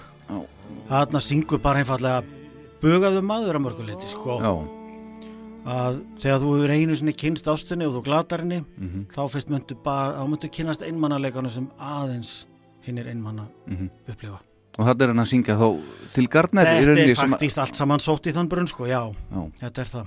mhm, Og eru allar þessar fjóra plötu sem heilt yfir kallast The Suicide Albums, mhm. eru í rauninni bara harm, harm söngvar eftir, eftir stóru ástunum sem gekk húnum úr greipum, sko. Mhm. Þannig að hann var ekkert að syngja svona til hérna, Nancy eða hvað hérna. Nei, nei, ég, það var nú eitthvað minna. Mhm. En sem betur fyrir þá var það nú ekki allt svartnætti og bölmóður sko í 50-sinu hjá honum. Nei, nei, Það voru þarna skemmtilega hérna plötu líka sem um, umfyllunarefni var aðeins jákvæðara. mhm, Mátti líka vera það því hann þannig er hann svona í hægt og rólega, hægt og býtandi að komast á algjöran hátind síns ferils. mhm, Fekk fullt að byttast að kveipmyndarhlutverkum í bland mhm, í 50-sinu meðal annars lekan uh, heroinfíkil í mynd sem heitir The Man with a Golden Arm og það er leikur hann Frankie Machine mann sem sem sagt, er að reyna að ná sér úr ruglinu en glæpagengi sem sagt, þvingar hann til að ánetjast heroinni af því að hann er flinkur pókerspilari og þeir eru semst með hann í bara hlekkjum fíkninnar að spila fyrir sig sko. Og hann leikur í atri í þessari mynd það sem er á cold turkey að koma að, að bara að jafna sig á fíkninni sko og leikur alveg reynd ríkalega vel. Og hann fór á sjúkrahús og fylgdist með heroinsjúklingum uh, í frákvörum til þess að undirbúa sig fyrir þetta. Aftur tilnæmdu til Óskarsvöluna og í þetta skipti fyrir besta leiki aðaluturki hreftuði nú ekki en leik í svona næstu kannski 15 árin. Nokkuð oft í myndum bara og stóð sig bara alveg frábælega sko. Alveg frábælega og þarna svona er, er þetta, þarna er hann að verða bara kongurinn sko, þarna fer hann hægt og rólega öðlast viðnefnið chairman of the board eða, eða stjórnaformaðurinn kynnist svona fyrir að, fyrir að hérna, mynda klíku með Dean Martin og Sammy Davis Jr. og þar ætla ég að koma þess inn. Endilega. og það er svona viska sem ég bjó nú yfir hérna án þess að þurfa að lesa mikið til. Já, út af kannski bara mínu starfi.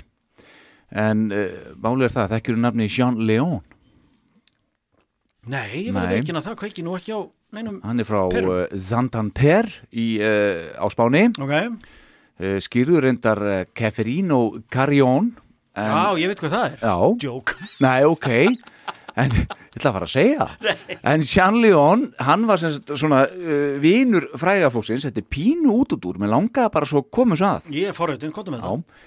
Uh, hann var svona vinur fræga fólksins hann í, Hollywood og hann hóf sem sagt störf uh, sem þjóttn á veitingastæði eigu Sinatra og Joe DiMaggio sem var náttúrulega maðurinn af Marilyn Monroe Fyrsti eiginmaður hennar. Já. Vel að merkja. þeir áttu þarna veitingastæði sem heiti Villa Capri Ah, ok. Og uh, hann reyndar kerði sem sagt Jean Leon sem hann kallaði sig, hann kerði leigubíl á daginn og var þjóttnöðum á kvöldin og það var einnig leigubílaferðinni sem að hann tekur Frank Sinatra upp í. Ok, og þeir, hann var þá fluttur frá New York til hérna, hann eh, Jean Leon til LA ok. til þess að reyna fyrir sér svona í, í ekstar þar. Og tekur upp hérna Sinatra sem býður um þetta starf sem þjótt þar varð hann sem sagt afar vinsæll meðal gesta sem uh, leiti til gríðarlega mikils vinskapar uh, hans og James Dean. Já, já, ok. sem, að, uh, hafði gaman að því að snæða hann á, á þessum stað. Uh, Dín lest svo þetta hann í bílslisi í september 1955 Mhm. uh, rétt áður en það gerðist þá hafði hann þó samþykkt að verða guðfaðir sonar Jean Leon þeir voru það góði vinnir Ok, náði nú ekki að það sem hann dó en fráfall Dín hafði mikil áhrif á Jean Leon og uh, í minningu hans opnaði hann sitt eigið veitingahús þann 1. april 1956 veitingahús sem heitir La Scala og er þarna í Beverly Hills uh, La Scala var líka gríðarlega vinsælt veitingahús hjá fína og fræga fólkinu og ég las að það hefði nú eitthvað aðeins kólnað vináttan hann að milli hans og Sinatra hann út af þessu þannig að hann opnaði þetta hús en hann fekk þó ekki básúnuna heim til sín. Allan að ekki fylgjera þessari sögu. Nei, nei, og, en þangað sem sagt á La Scala komu svona allir, ef getur sagt sem skipti ykkur máli hann í Hollywood. Og uh, til dæmis og sjálfur Frank Sinatra reyndar og Marilyn Monroe en Jean Leon var einmitt eitt sá síðasti ef ekki bara sá síðasti sem að talaði við hana áður hún lest í ágúst 1962 þar sem hún ringdi í hann snemma það kvöld og sagðist ekki líða vel og baði hann um að koma með eitthvað að borða fyrir sig. Sem hann gerði. Jean Leon færði henni uh, sem sagt í eigin personu hennar síðustu máltíð því hún lest aðeins nokkrum klukkustundum síðar. Umvarræða hennar uppáhalds pastarétt af matseli La Scala Skömmu síðar þetta sama ár, 62, ákvað Jean Leon að ferðast til Evrópu og finna þar vínekru til að kaupa uh, þar sem hann vildi framlega sitt eigið gæða vín frá Evrópu fyrir veitingastæðsinn La Scala. já, ok. Ekruna fann hann á Spáni, sínu heimalandi. Nánar tiltekið í Katalónu hér hannu Penedès, ekki svo langt frá Barcelona. Hann rak þessa vínekru samlega veitingastæðnum sínum til fjölda ára en hann greindi svo með krabbamenn í hálsi árið 1994 sem dró hann til dauða um tveimur árum síðar. Þá hafði hann selt vínekruna sína til Torres, víngerðar fjölskyldunar, sem ræktar enn þann dag í dag vínin hans og auðvitað undir nafninu Jean Leon. Já, Magnusaga. Ég hef komið þangað og það er frábært að koma á þessa ekru, Jean Leon og uh, þá er uh, þessi staður La Scala ennþá til og er ennþá afar vinsæl hjá þessu ríka og fræga vinsæla fólki þarna í LA og þú getur keiftir þennan pastarétt sem að Marilyn Monroe fekk sér. Ennþá- sæli. Þetta er saga sem ég vissi ekki. Nei, en, en þetta er eitthvað sem ég hef bara alls ekki vita nema því ég heyrði þessa sögu bara fyrst þegar ég fer og heimseki Jean Leon í fyrst skipti, þessa vínekru. Einmitt. Það er meiri áttar gaman að þetta er ekkert langt frá, frá Barcelona þannig. Nei. Þannig hérna fyrir þá sem eru þarna og vilja eh, hérna skoða eitthvað aðeins í kringu sig og hérna fara til dæmis til Torres eða, eða Jean Leon, ég mæli með því. Já. Það er önnur saga um þetta því þegar Joe DiMaggio var að skilja við Marilyn Monroe. Já, Hann var sjúklega afbreysamur. já hann var ekki góð pappir sko ég, Já, hann var ekki líka bara sáttu við þetta, þú veist, hann náttúrulega ítölsku bergi brotin og Já. bara skildi ekki þetta konsept að konan ákvætti að fara frá honum. Mhm. Svo hann ringir í vinsinn, sem var líka ítölsku bergi brotin, Mhm. Frank Sinatra. Mhm. Segir, ég vissum að Marilyn, Marilyn hún er eitthvað staðar að, að, að hérna, manga með einhverjum öðrum manni, sko. Og þeir félagarnir, eflust eftir einhverja drikki, veit það ekki, þeir ákveða bara við þriðja mann sem var með myndavél að hérna fara heim til hennar. Bara taka hurðina úr umferð með exi, riðjast inn og taka mynda þeim. Og þeir gera þetta. Mm. hvort að Sinatra var á exin eitthvað þeir bara höggva hurði í spað, sparkinni niður riðjast inn og taka mynd af grunnlausri konu sem bjóð þar eini íbúð. Og þetta var náttúrulega bara, veist, þetta er bara alvarlegu glæpur, húsbrot og, og, og að riðjast inn til ókunnust fólks með exi á lofti. Mhm. En með hjálp góðra manna veit ekki hvort að blastursljófærið kom við sögu, þá tókst bara að þakka þetta niður sko. já, en þetta svona eftir því sem sko menn týna tölunni og svona fennir í uh, og glæpurinn hvað maður segja fyrnist, já, já, þá hafa þessa sögu dúkað upp eftir því sem árin líða sko. Einmitt. En þeir ruttust þarna inn á einhverja konu sem bjó ein og var örugglega bara í ruggustóla prjóna þegar einhverjir óðir menn reyðjast inn til hennar með exo loft og taka myndafinni sko. Er þessi Á- mynd til? Nei, það efast ég um, þetta var hún sönnunagagn á sín tíma sem þurfti að eyða sko. Já, en uh, þeir báðust nú forláts og eflust hefur verið hægt að bera fjö og blessa á konuna. Mhm. en þeir höfðu semst uh, þefað upp í skakt heimilisfang og letu það ekki stoppa sig sko. Nei. bara, þú veist, við látum frekar á það reyna heldur en að sleppa Marlin við það að vera að hitta einhvern annan dút það þú væri skilið við DiMaggio sko. Já. Þannig er nú það. Hann er nú það og hann lest þarna hvað ári eftir okkar manni ekki, eitthvað liðs, árið að tömur. það má vera, Já, ég þekki þá sögur endar ekki eins mikið. En þarna er nú svona talandum svona uh, kvennamálun hjá uh, Frank Sinatra, hann er nú ekkit uh, mikið um að vera svona í, í hann á nú tvö hjónabönd eftir þarna, Já. en, en það gerist nú ekki alveg strax, hann er greinlega eitthvað svona uppdegin að verða bara frægur eitthvað. frá því að skilnaðurinn gengur í gegn við endanlega við Eifu Gardner. Mhm. og fram á næsta hjónabandi þá svaf hann nú hjá nánast öllu sem hreyfði sko Mhm. hann var mjög stórtækur segir áðurnemdur enga þjóðnans. George Jacobs í henni frábærlega skemmtilegu bók uh, Mr. S and Me tvípuntur My Life with Frank Sinatra Já, hann kallaði Mr. S eitthvað. hann, ka- George Jacobs Já. var svartur sko Sinatra þoldi aldrei svona, hvað er maður að segja, hann þoldi ekkert sem uh, gatt flokka sem yfirgangur gagvart minnimáttar bauð við, hann var mjög mjög, maður að segja einarður andstæðingur alls sem gatt heitið sko kynþáttamisriti og slíkt Mhm. þannig að hann gerði sér að leik að flagga, þú veist, í 50-sinu þegar sko það var banna með lögum í mörgum ríkjum bandaríkjana að svartu maður og hvít kona bara væru saman Mhm. Þú, þau fengust ekkit gift Nei, nei. það var bara hreinlega lögbrot Já. en En hann hvernig er þá samband hans við, ja, ég kemur það eftir. Já, það var bara sem sagt, uh, gerði hann sér að leika flagga því þetta er enga þjóttmynd, George Jacobs, hann fer allstað það sem ég fer, eða ég kem bara alls ekki neitt. Og svipaðan leik, leika hann með Sammy Davis Jr. Sko, sem átti ofta ekki að fá að sofin á fínum hótelum því að þeir voru okkur ferðalagi. Hann átti bara að fara eitthvað úti hús baka til, sko. En Sinatra sagði, ef að það er málið þá fær hann svítuna mína og ég tek næstu flugul heim.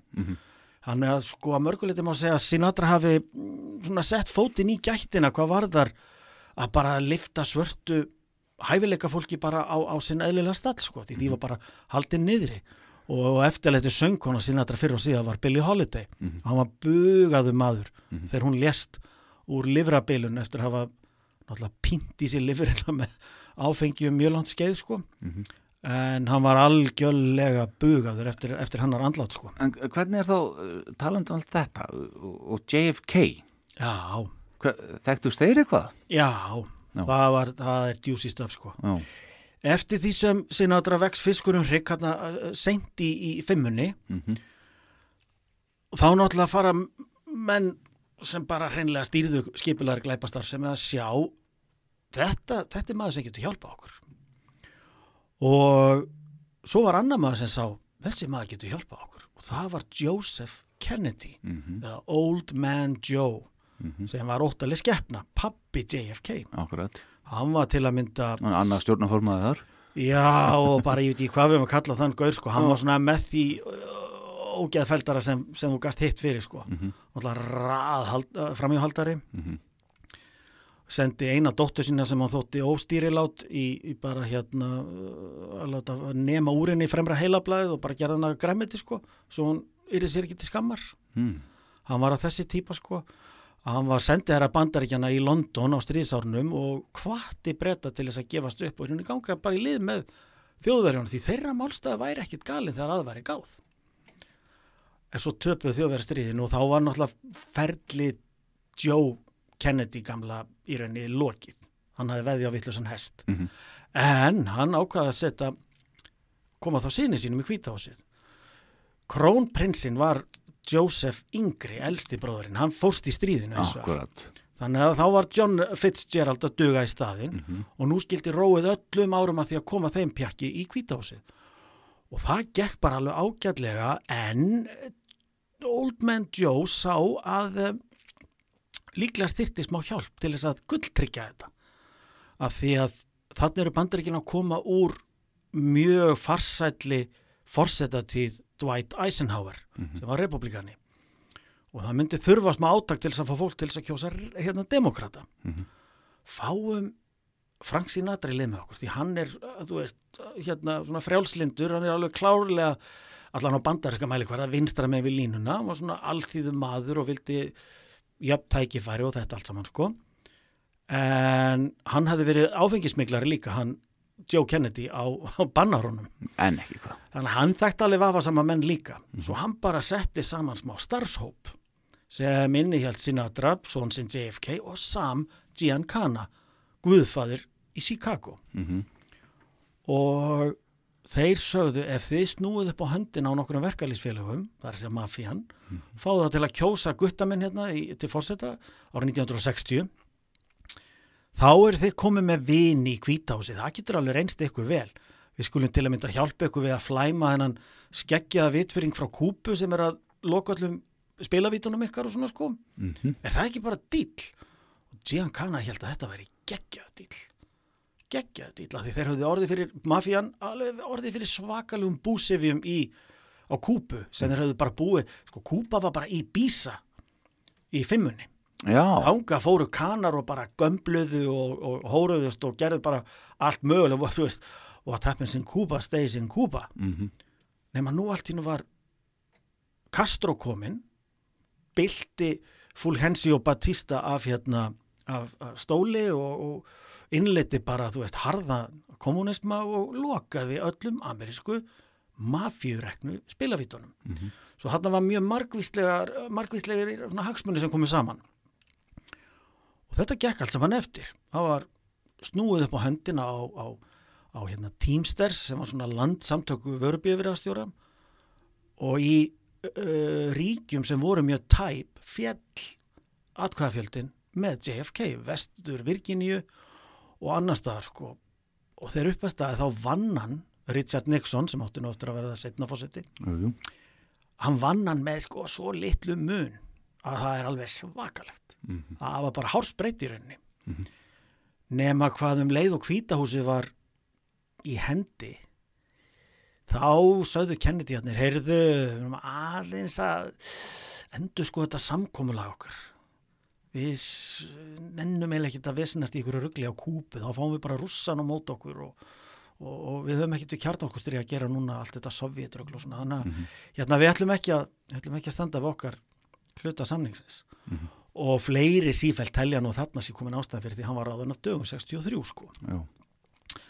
Og álög komin á já, heila, heila fjölskyldu, heilt, heilt já, ættana. já, bara óþæra hátturinn í Old Man Joe Já, Joseph Kennedy, ættföðurnum já. allt sem hann gerði af sér það er nú ekkit skrítið að það skuli liggja á þessari ætt sem, sem einhver mara já og veldur bara ógæfu kynslu eftir kynslu sko. Mhm. en þarna verður Sinatra bara algjör kongur, hann er bara þú veist drikkjufélagi og, og hérna og djamfélagi JFK Mhm. og hann bara með annan fótinn í kvítahúsinu ofbáslega vinsall og byrjar með hérna sjó í, í Las Vegas gerði það bara svona miðstöðinni sinni og er sko svo mikið númer að þegar hann er að skemmta í hinnum viðfræga The Sands hóteli í Vegas er þetta í rauninu bara hann, Dean Martin og Sammy Davis að bara djúsa upp á sviði bara og segja brandara þú veist og salurinn veinar og skemmti sér með sko. Já. þetta er náttúrulega mjög sjálfkvært atrið, þeir eru bara eitthvað að djóki hverju öðrum og bara, djöðlegt þú nú alltaf fullur? Nei þú ert fullur. Og salurinn bara liggur í hlátri sko, get mikið fyrir svo haft. Og ef maður, ef maður kíkir á klippur af þeim sem eru til í, á YouTube í alveg massavís þá sést nú meðal annars hvuslas hæfileika búnt Sammy Davis Jr. var Já, Því, ég er að tala um, hann var dansari ekkit í rauninni síður en Michael Jackson mæni. svona bara galin hæfileika fótafimi fenomen típa sko Mm. Við vitum, við erum þeirri kynslu sem vitum alveg hvernig Michael Jackson kann dansa Heldur betur. Sammy Davis Jr. var þarna sko alveg 20 árum fyrr Já, hann var lágvaksinn og svona frekar mjósleið þannig að hann var bara svona eins og ballettdansari. Og uppbóðslega fótafimur og með alla reyfingar alveg eins og ég veit ekki hvað. Og Dean Martin var náttúrulega sko jafnvel ennþá svalari en ækurleiti en Sinatra að því honum var alveg sama. Sinatra var alltaf pínum meðvitaður um þetta. Alltaf sjúklega vel til fara og, og mikill töffari. Dean Martin var bara slag Let us pray. Dearly beloved, oh, excuse me. I, hey, could we all finish by doing one number? Can we? May we, not can we. May we, never in the same May we, Sam, not can we. Fight, fight, fight, fight, fight. Oh, if I find out that's true, my heart is broken. May we? Can we? May we? Could we? May we? Yes, sir. May we, that's French. Okay. All right. We can use that. Well, what about doing a number together? Yeah, now you're talking. We're gonna Could we do Birth of the Blues together, and each person take a Why little not, bit? Sam? Gee, that sounds like a swell idea. I'll get Mickey and Judy, and we'll build a barn. When's the last time you seen an Italian cut? I'm gonna cut him. You know, if he touches me one more time. He ain't got no chance. I'd like to get plan. out of this act if you don't mind. I got to catch a plane.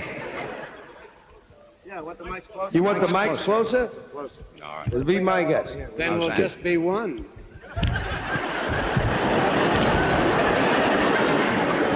We don't need this? Don't need this, huh? I thought it was separate but equal. I haven't started off. It's my number. If you don't mind. Oh, I ain't gonna fight with all your troops. Oh, I tell you, if we ever get in the lead, you two cats are first. Would you give me Ain't a no way, baby. Go ahead. Give me a keynote, George, please. Anybody wants, put on my track.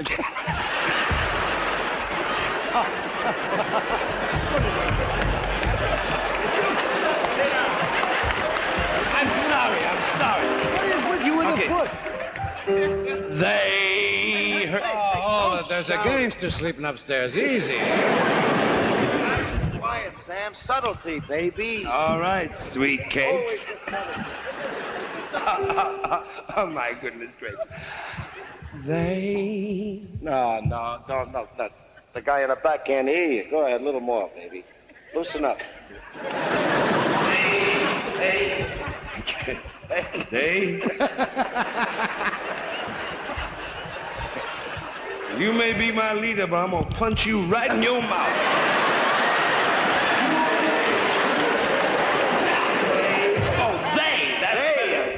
Right. I got to catch a train sooner. Yeah. What are you complaining about? I gotta go to a bar mitzvah in a minute. They heard the breeze through the trees singing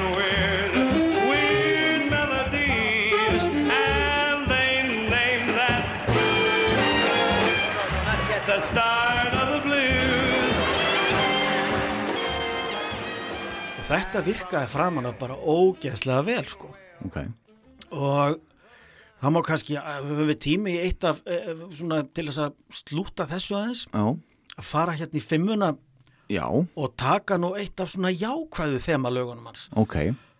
Sinatra gefur út uh, 58 held ég sama ár og Only the Lonely, þessa harmrænu plötu. Ok, Þá hendur hann í konceptplötuna Come Fly With Me og uh, þetta, þetta getur fólk bara einfallega skoða á netinu að albumframliðin eða coverið er Sinatra, hann heldur í hönd sko, eins og sé að halda í höndin á þér. Já, og hann er að fá þau til að gott og fljú, gott upp í flugvel með mér. Já, og í bakgrunn er sena? á, í bakgrunn eru Lockheed Constellation flugvelar Transworld Airlines sem þóttu svona fínustu farþegavilarnar á þessum tíma ofbóðslega kraftmiklar fjögra hrefla farþegaflugvelar með fjóra dundrandi Rolls-Royce hrefla sem skiluðu þetta aldrei hratt. Þetta er áður en þóttuöldin gengur í garð sko. Þetta er svona upphafið að jetsettinu sko. Ok. Og platan öll á báðum hliðum er bara geggjað ferðalag um allan heim. Ljúfa balluður reyndar í bland við stuðlög en þekktast er nú titilæðu upphafslega plötunar það sem Sinatra segir kott upp í flugvel með mér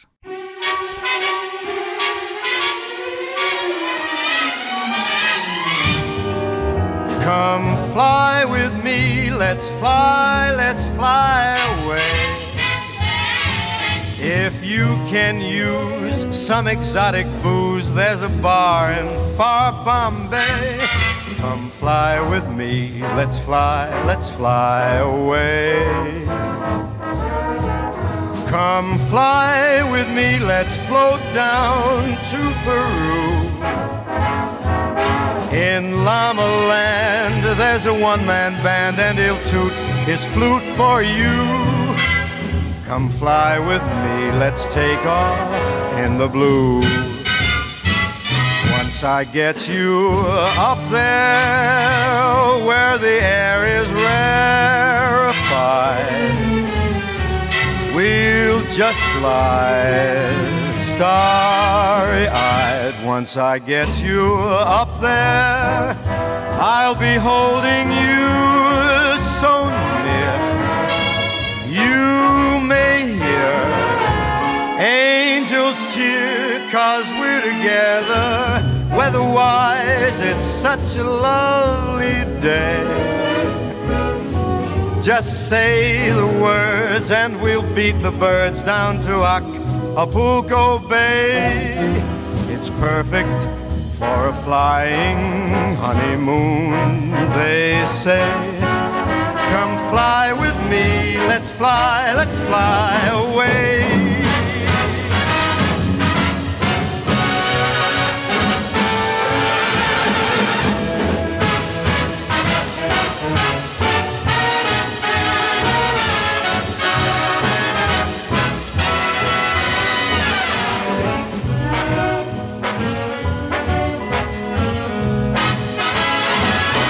Once I get you up there where the air is rarefied, we'll just glide starry eyed. Once I get you up there, I'll be holding you so near. You may hear angels cheer, cause we're together. Weatherwise, it's such a lovely day. Akkurat, við erum að tala um það að við erum komin þarna á 60s Nú erum að við komin fara- í 60s, Við erum sko. að fara þangað næst Já, og uh, hann er sem sé að, að nutta olbúum við Kennedy-an og þarfum þetta göttunum Já, En þetta er svona almennt viðtekinn skoðun í dag að þvermúðska Kennedy feðgana við að standa við sinn hluta dílsins Mhm. eftir að þeir höfðu fengið hjálpið að koma JFK í, í kvításið já, en neitu svona mestanpartin að standa við sinn hluta samning hann var til þess að, að JFK er ráðinu dögum 22. november 63 kemur þetta einhvern tíðan í ljós heldur? Hvað heldur þú Já, um það? ég Er einhver, nú er einhver sem sko. veit eitthvað ennþá, núna, 2023? sko, einhver staðar eru gögn til sem má ekki opna fyrir en eftir einhver, einhver ára. Já, já, svo var eitthvað að opna hérna, síðasta þar síðasta ári, það var ekkert Nei, sko. það var ekkert í því manni mig. En ég held að, að, að þarna allavega lágu hagsmunirnir Mhm. og hefninginnin. Það, þetta er svona, liggur bísna beint við, sko. Það hann nú bara þannig og óðbóðslega margi mafjósa vildi hann alltaf dauðan. Mhm. Því hann hafði bara stein svikist bara um Mhm. að standa við sinn hluta dílsins, sko. Og við þetta náttúrulega verða áhrif Frank Sinatra kvításuna að engu, Mhm. samstundis og litli bróði JFK, Robert eða Bobby Kennedy fer í kjölfarinu hamförum í því að atast í skipulegar glæpastarfsemi sko. Mhm. sem mögulega var til þess að hann sjálfur var á þú?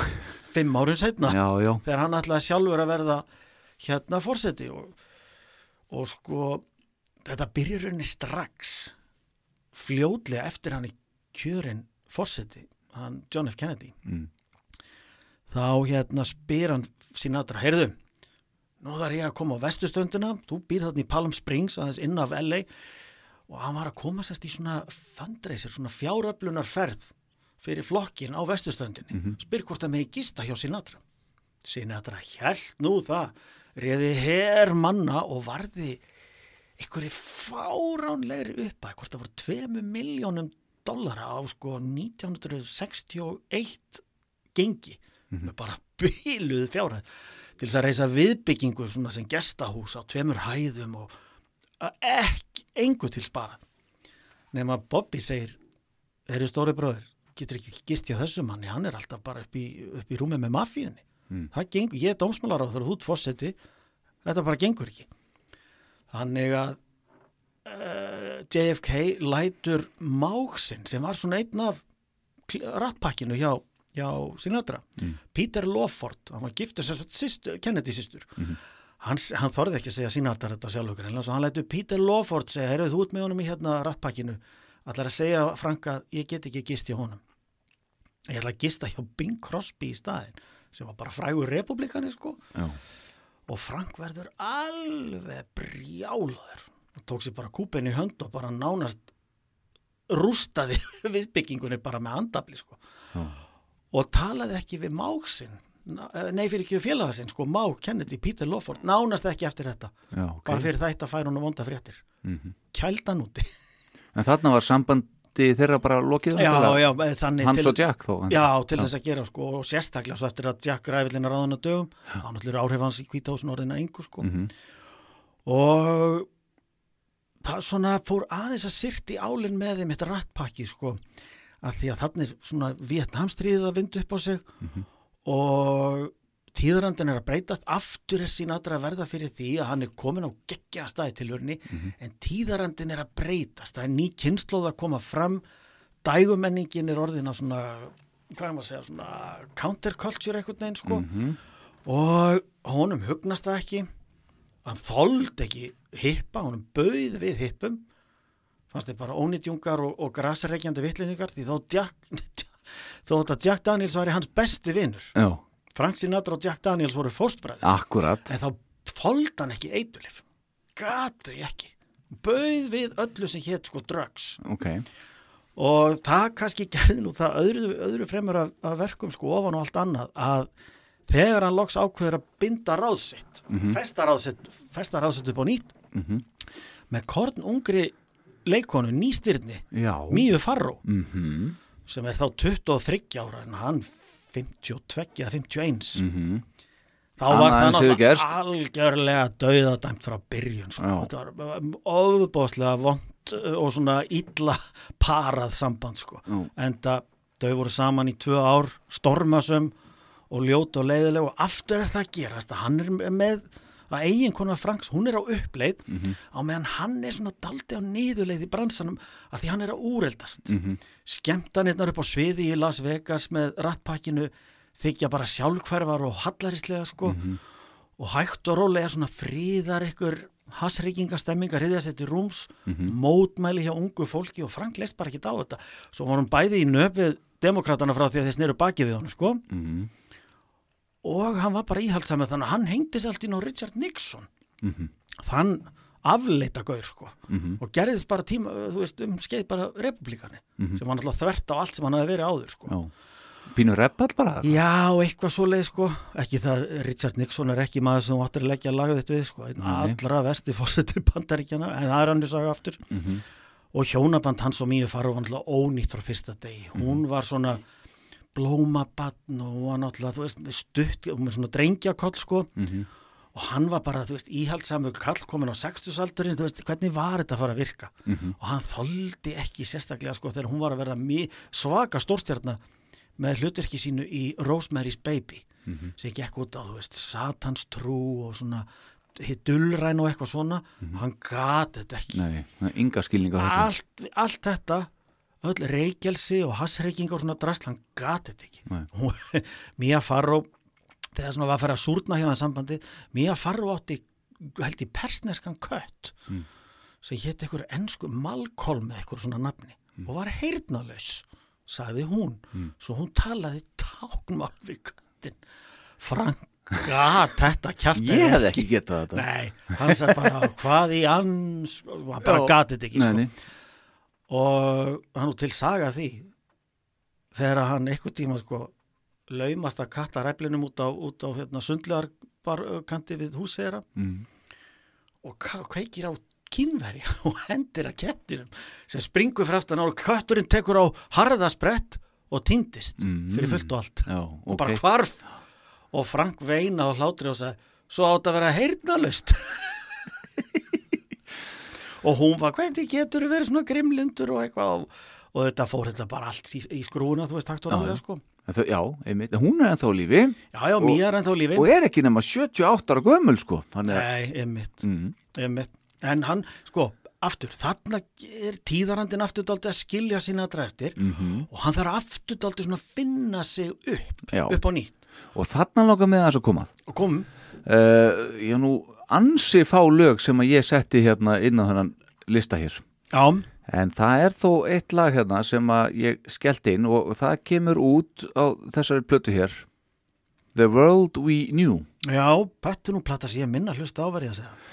Uh, Þetta, þessi plata kemur út semst þegar ég er giftur Míu, Míu Faró. Já, þetta er sett á bilinu 66 til 8 Já, þetta er 67 Bingo. Og þarna heyri ég veist, ef, ef þú nú getur verið að ég sé að tala einhver rugl bara en ég ætla að byggja þér fyrir að ímynda þér sérstaklega svona í byrjun lagsins mm. að þú setja að hlusta á The Doors að því þú varst að tala um, hann þóldi ekki þetta rock og eitthvað og, þurfti, og allt þetta hippadæmi og þurfti að finna sér upp og nýtt og eitthvað? Nei og hafði svo ég get skotið inn hann hafði ekki miklu mætur á Jim Morrison. Nei, einmitt. En heyrðu bara, þú veist, þetta gæti mínus að brassi í burtu sko. Og sérstaklega eins og segi hérna er byrjunum þegar hann byrjar að syngja. Laka Það er eitthvað sem ég tengi Já, saman. Laka til að heyra. This town is a lonely town, not the only town like this town. This town is a make you town or a break you town and bring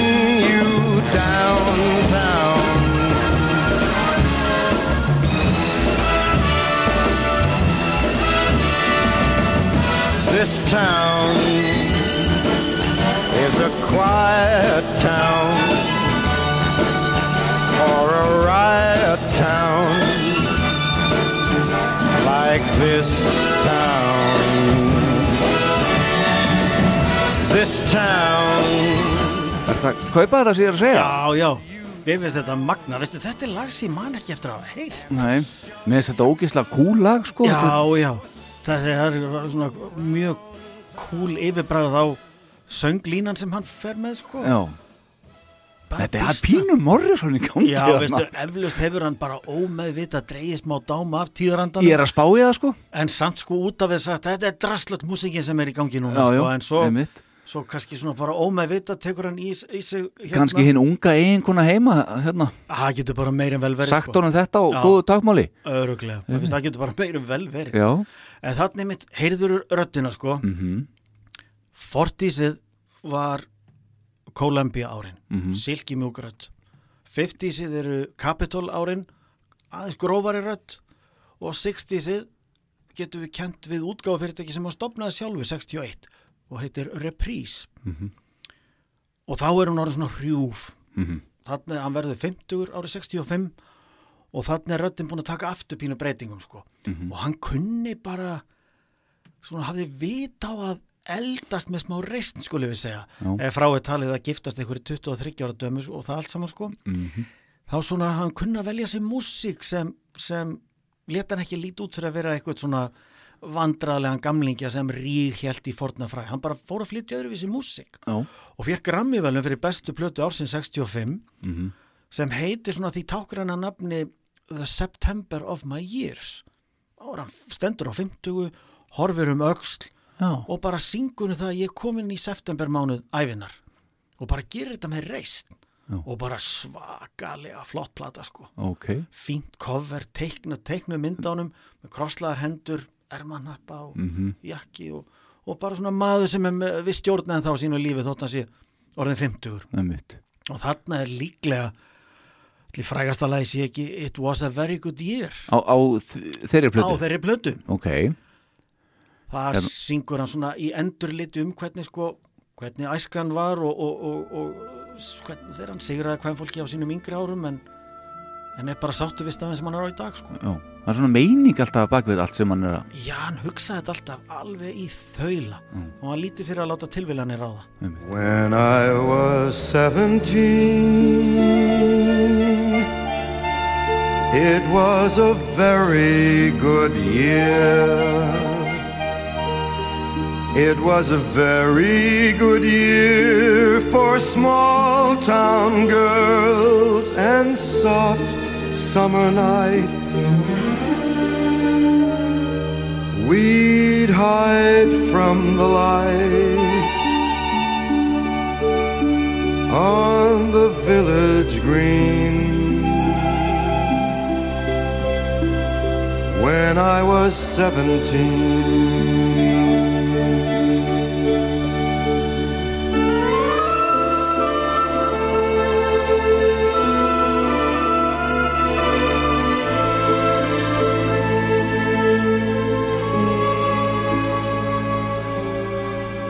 When I was 21, it was a very good year. It was a very good year for city girls who lived up the stair with all that perfumed hair. And it came undone when I was 21.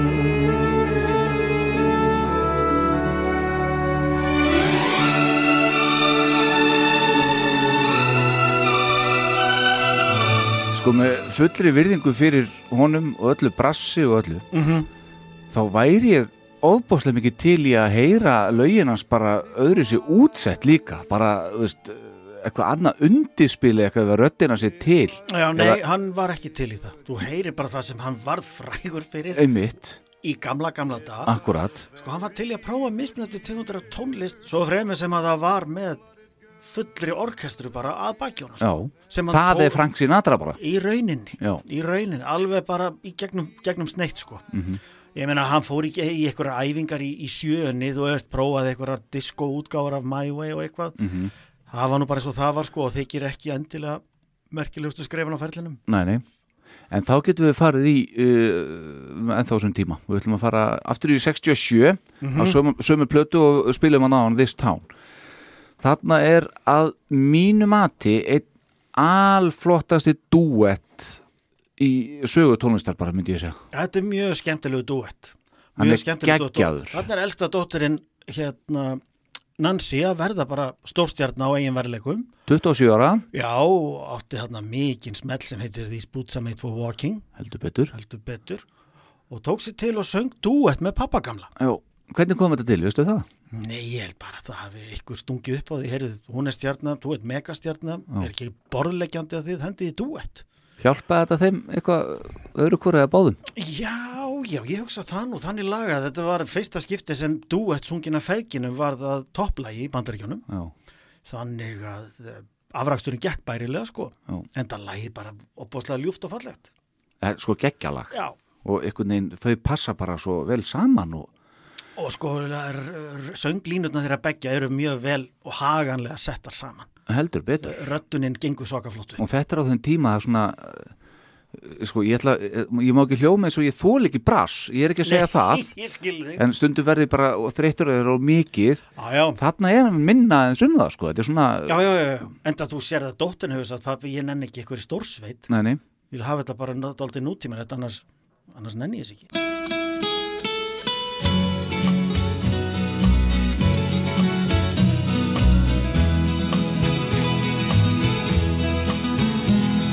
I know I stand in line until you think you have the time to spend an evening with me.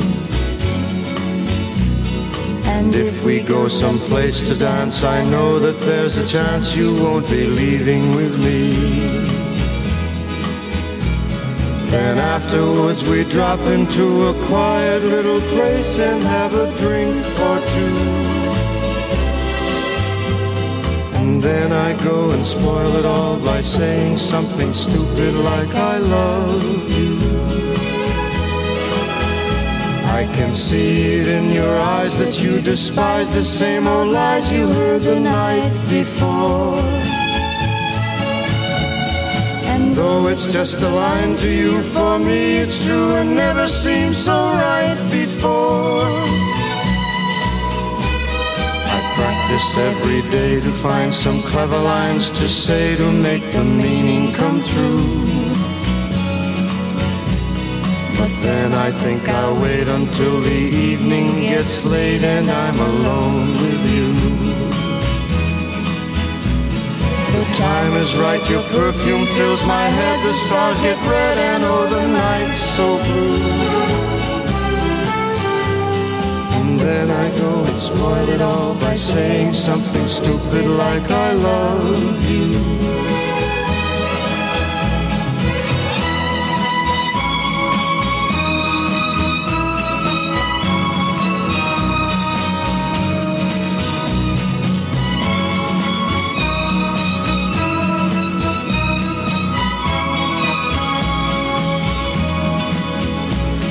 The time is right, your perfume fills my head, the stars get red and oh the night's so blue.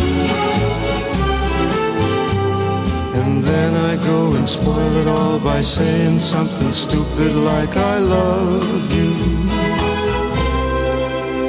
I love you.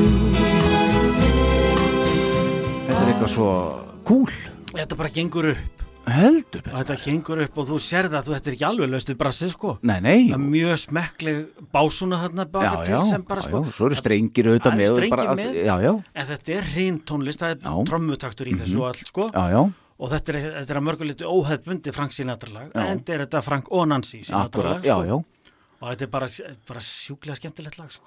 og bara flott, þetta er bara vel sami lag já, punktur og sko, þú sér, já ég skal prófa þetta með því dóttir góð en ég ætla að hafa pínu brass með því því já, já. Og þetta einkenni- þau mætast einhvern veginn bara svona Já, mér bara- í leið með þetta þetta. bara virkar, já, Já. þetta er alltaf vel orðað hér þú færði alltaf á tilfinningu og hún kom með hérna gítar og trommu og eitthvað. Já, hann hafði með þessi básún og nokkra strengi. Já, og viti menn koktellin bara fungerar. Heldur, hann er bara fullkomin hann bara óbáslega góður sko. Og þetta er alveg lýsandi dæmi um það sem sko Sinatra er að gera þarna setni hluta sexunar Mhm. Hann er alveg til að prófa nýja hluti en hann er alltaf með strengina og smá kannski brass í bakhöndinni. Svona sinn standard bara. Því þetta er svona smá bakland veist, tilraunastarsmi ok en innan skynnsemismarka og þetta, þetta uh, sést mjög glögt í frábærri plötu sem hann gaf út með konungi bossa nova tónlistarina frá Brasilíu Antonio Carlos Jobim.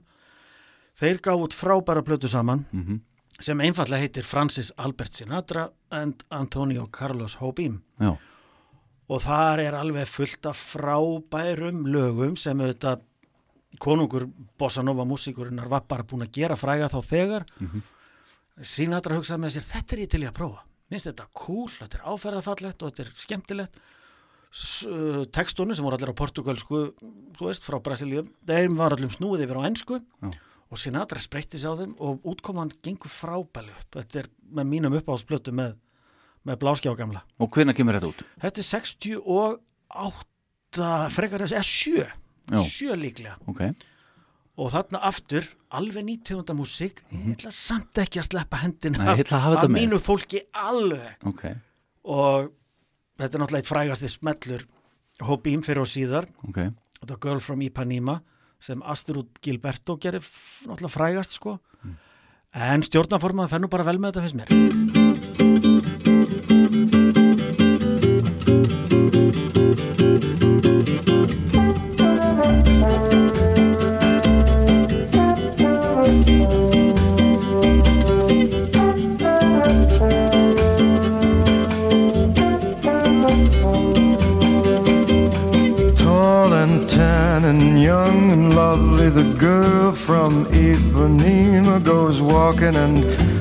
she passes, each one she passes goes, ah.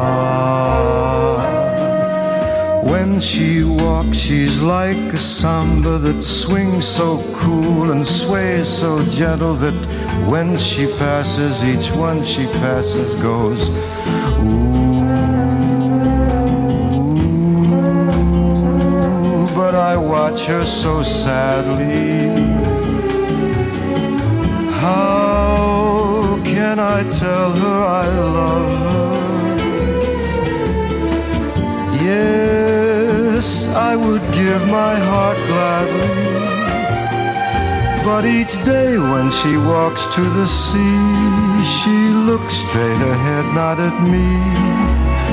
Tall and tan and young and lovely, the girl from Ipanema goes walking, and when she passes, I smile, but she doesn't see.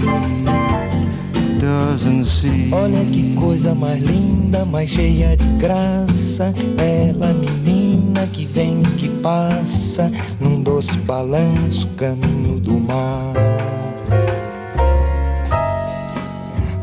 Do corpo dourado, do sol de Ipanema, o seu balançado parece um poema. É a coisa mais linda que eu já vi passar. Ooh, but I watch her so sadly. Ah, porque tudo é tão triste. Yes, I would give my heart gladly. But each day when she walks to the sea, she looks straight ahead, not at me.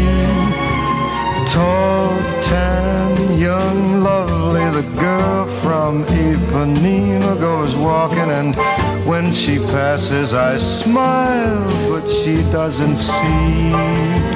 Por causa do amor, She just doesn't see. Þarna á þessum tíma er eins og hérna, ef maður horfir á sko ferilans í kvikmyndum, þetta er svona alltaf lokast út af þarna bara og Já, þarna aftur eins og við komum inn á áðan er hann að upplifa það í annarskipti að tíðarandin er hans að stinga hann af Mhm. og sko plötuna gengur nú samanber áðum, áðurnemda September of my year, fær Grammy-velunni sem besta plata Mhm. en það er svona hægt og rólega að fara að gang, seljast aðeins minna og minna og hann er bara ekki lengur svona topp vinsældalista listamaður Mhm. svo hann lætur bara, veist, það er ekki hann hafi fjáras áhyggjur að neitt og hann svona prófa bara hluti eins og þetta. Hann er ekki alltaf auðgast á þessara plötu. Nei, nei. bara langa að prófa það og hún gengur dásamlega upp. Þetta er svona bubbi á kúpu eitthvað. já, við ætlum ekki bara að segja það, þú veist. Bubbi bara ákveður, hér er eitthvað nýtt. Eitthvað áhrif sem ég til í að taka þess inn í músikinu ætla bara að prófa þetta sko. Mhm. og ég fullir það matarbóð með þessa plötu eins og hún leggur sig undir skiptir ekki hvað er í matinn. Það verður opbóðslega góðu dinner. Þetta er frábæð plata maður er alltaf að eiga svoleiðis plötum ég veit það, ég veit það sko. Einmitt. En svo, þú talar um hérna, sjöunda áratugin hann áðan, hann, hann er nú hérna, allt svo áttunda fyrir ekki já, sjöuna. Já, sjöunda Já, sko, ég lít nú eiginlega heilt yfir þannig á að frá því að eiginlega sá áratug gengur í garð Mhm. Verður Frank Sinatra bara daldið svona einhverju stopnun í bandarísku skemmtana lífi, daldið eins og Rolling Stones verða kannski kringu 1990 Mhm. uh, gef ekki, hann ge- gefur jú, jú, það auðvitað kemur eitthvað nýri músík með honum út en ég eiginlega tel ekki með bara það sem me- mest af því sem kom út eftir 1970 ok, hann hendir í einu svona konceptplötu 1970 þá bara kom eitthvað með efni til hans sagði, hún leist sko eitthvað tíu lög eða eitthvað. Og hann var spurður listir á eitthvað af þessu? Hann sagði, heyrðu, það er verið að segja heila sögum öllum þessu lögum. Ég tek þetta allt. Ok, og úr verður plata sem kemur út 1970 og heitir Watertown.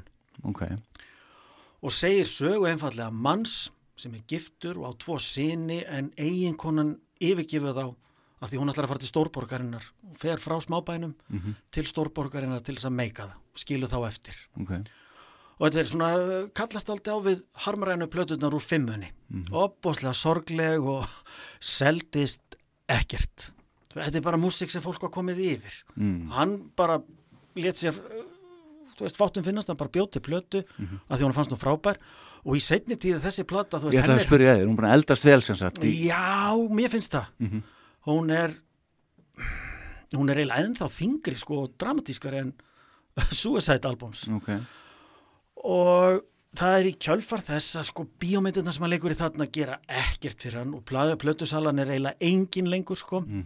Að þá dregur hann sig hlið og lýsi því yfir I'm retired, ég er hættur í bransanum.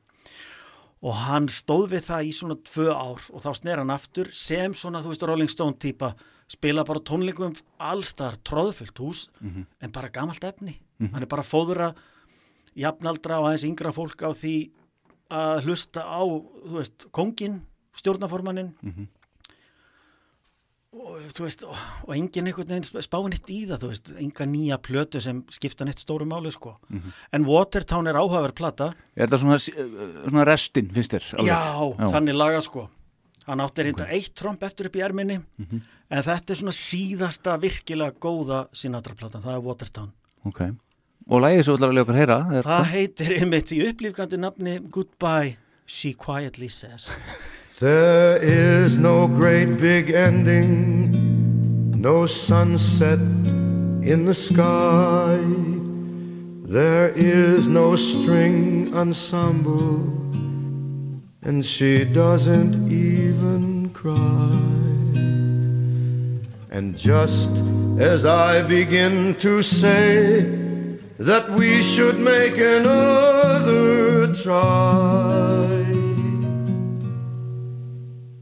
She reaches out across the table, looks at me and quietly says goodbye.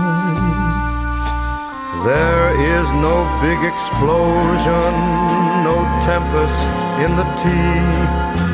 The world does not stop turning round, there's no big tragedy. Sitting in a coffee shop with cheesecake and some apple pie. She reaches out across the table, looks at me, quietly says goodbye. Goodbye, said so easily, goodbye said so quietly goodbye, goodbye, goodbye.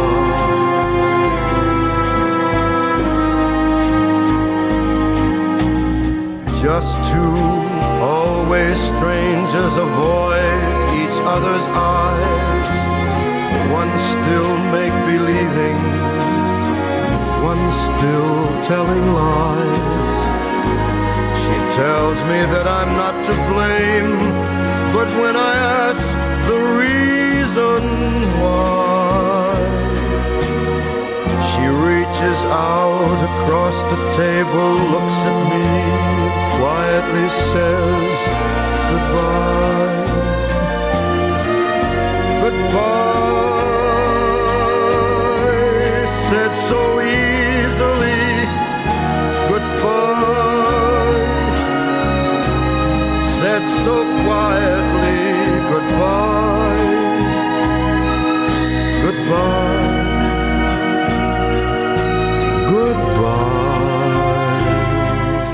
Kjöt á þessum beinum?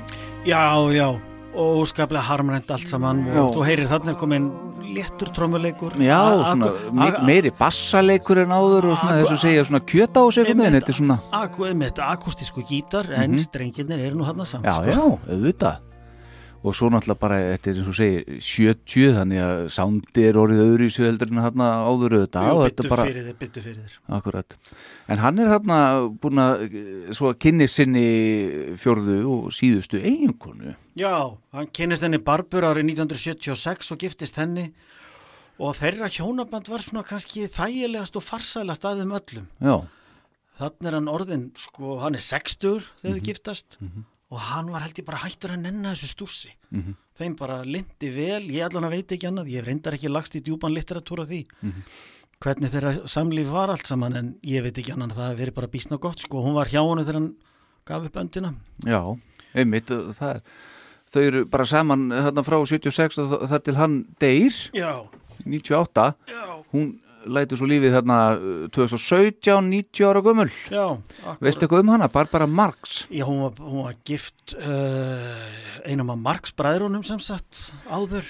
veitu nú er ekki nógu vel að Það voru fjórir sprelligossar frá því árdaga Hollywood já, já, sem leku í svona alls konar fíblaláta gamamyndum og þóttu miklir miklir hérna svona frumkvöðlar í gamanmyndaleik. Sér, sér í lagi sko svona fórsprakki þeirra bræðra Groucho Marx. Já, já, hún var ekki gift honum, hún Barbara held hún hefur verið gift Seppo ok.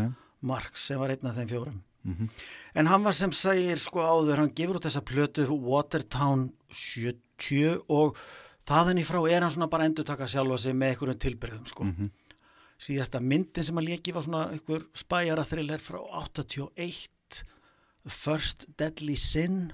Ég sá hana nú á stötu fyrir 30 ára síðan eitthvað svo sko en hann átti eitt tromp eftir upp í erminni ok, og dregur það fram, ég langar segja 1991 ég glimti nú að fletta þessu upp en 1991 þá tekur hann sér til hóar í fullt af yngri vinsælum söngurum og söngkonum og gefur út duets ok. Duetta plötu og merkilegt nokk þessi plata átti eftir að verða hans söluhösta frá upphafi.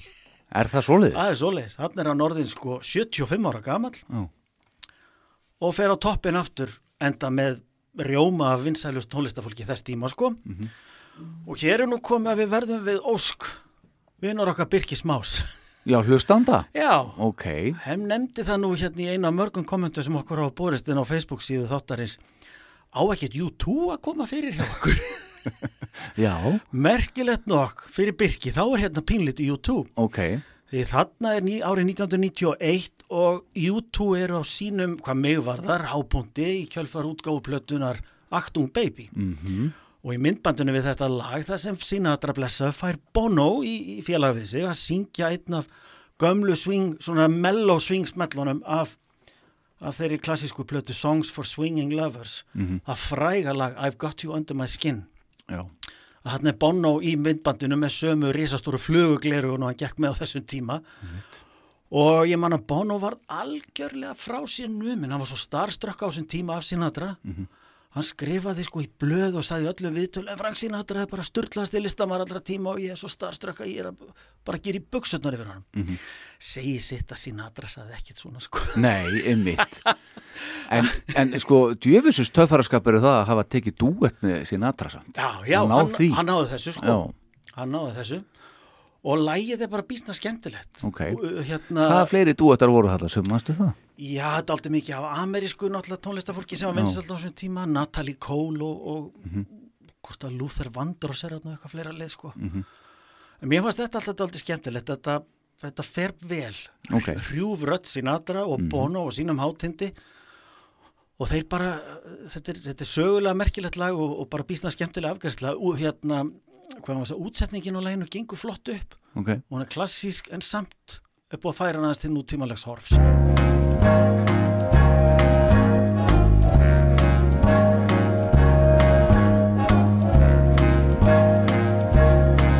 I have got you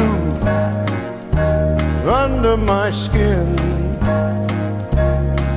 I've got you deep in the heart of me. So deep in my heart, you're really a part of me.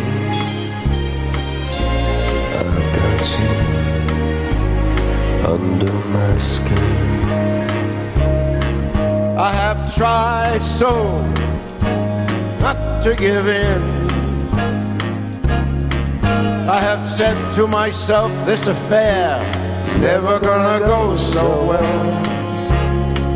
But why should I try to resist when, baby, I know so well that I've got you under, under my, my skin. skin? I would sacrifice anything come what might for the sake of holding you near in spite of a warning voice comes in the night it repeats and shouts in my ear Don't you know, blue eyes, you never can win. Use your mentality, wake up to reality. but each time I do just the thought of you makes me stop before I begin Cause I've got you under my skin. skin Don't you know Blue Eyes? Já, hann laumaði þessu inn. Já, agalega flott og hann svaraði því svo. Já, við heldum betur. Þetta er töff. Já, þetta er bara býsta töff. Já.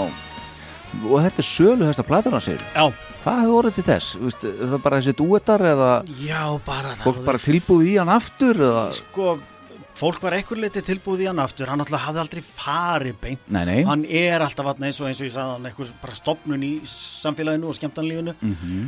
Og svo náttúrulega verður hann uh, aldrei klókur að sko hýfa upp áhuga hjá yngri kynslu með því að fá til liðs við sig yngra, yngra, yngra tónlistafólk Mhm. einmitt, current tónlistafólk sko. Akkurat. og þetta var í sko þanniglega tilraun sem kannski hefði alveg geta klikkað Já, já þetta Hún var alveg sama kannski Já, þanniglega, þú veist, hún fannst þetta bara áhugaverð pæling og, og létt slag standa og uppskar eftir því. Mhm. Og hann held áfram að syngja sko aðeins fram í nýjuna. Mhm. Bara þangað til heilsan gaf sig sko eftir áratugja fullt af Jack Daniels, Mhm. fylltæslösum Kamel og, og bara svona, þú veist, örgla takmarkuð svefni í bland og ég meina maðurinn tróð náttúrulega sko fimm venjulegum mannsæfum inn í sína eigin æfi ef að ef þú skoða bara allt sem hann já. lifði sko og þar kom að hann var fluttur á spítala í mæ 98 og með barburu sinni og rétt á hann að gaf upp öndina þá stundan I'm losing. Mhm. og svo var hann allur. Já. og daginn eftir fekk ég dellu fyrir honum. Akkurat. Til að halda, hérna, koma því að þessu við byrjuðum þetta í þá rauninni erum við búin að loka þessu. Akkurat, en þá bara þegar við segjum henni í lýsingun á þættinum orð frá þér mm. á stöffið hans afturkvæmt kemst það aftur í móð einhvern tíman og hvert er svarið eftir þessu yfirferð hér? mér persónulega finnst nú eins og sko vonandi tókst okkur að sá einhverjum áhuga fræjum hann eitthvað staðar þetta er svona kannski eins og þetta er upp á sömu hillu og einhvað að segja bítlarnir eða Stones eða klassísk dægutónlist sem mun alltaf vekja einhvern veginn áhuga hjá einhverjum. Mhm. einhvað að segja að þetta sé spurning um þroskastig?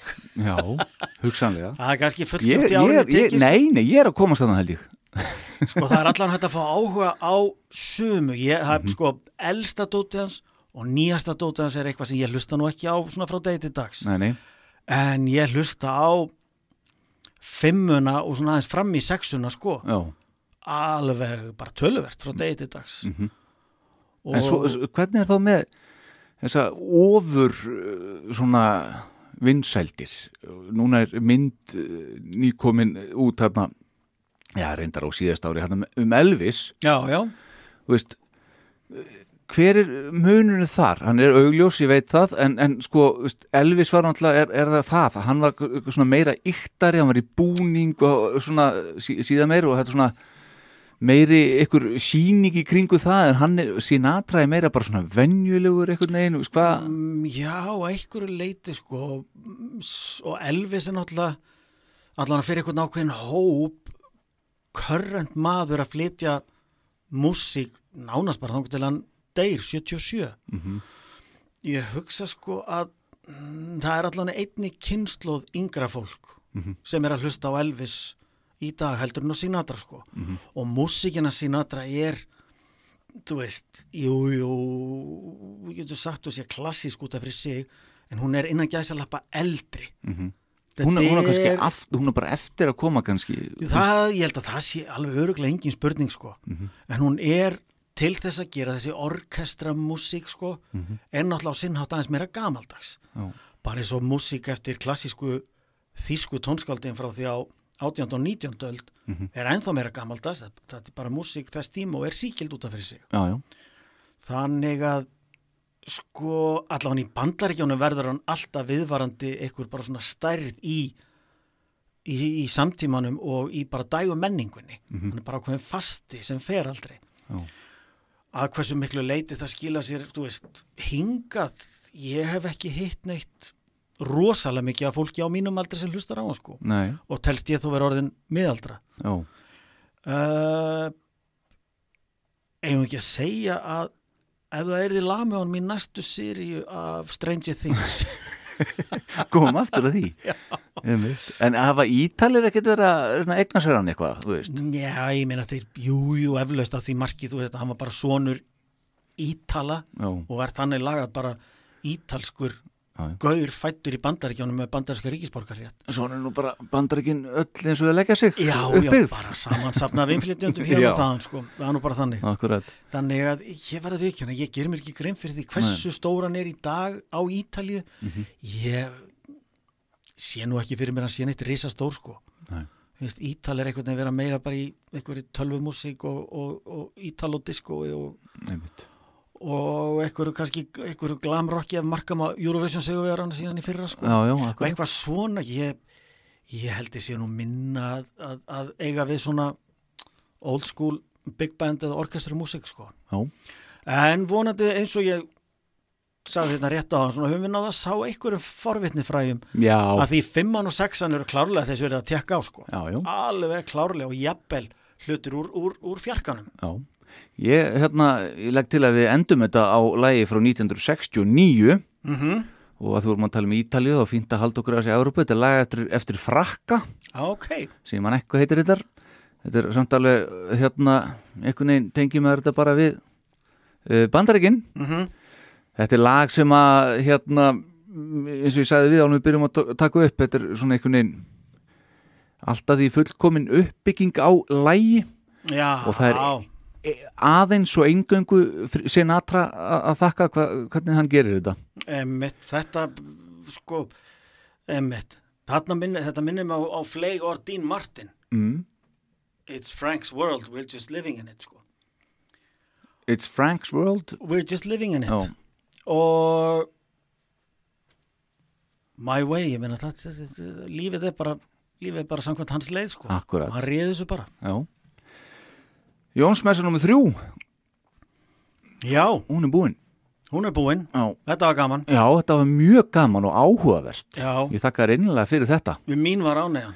Uh, erum við einhverju finnst þér eða er eitthvað sem þú vilt koma á framfæri sem við fórum ekki yfir með Frank Sinatra eitt af þínum átrúnaða góðum Ekki held ég það nú, en það hafa undarfarnar næstum 180 mínútur gert okkur kleift að koma býstna víða við Já, frá því hann fæðist í Hoboken og þangur til hann andast í Los Angeles. já.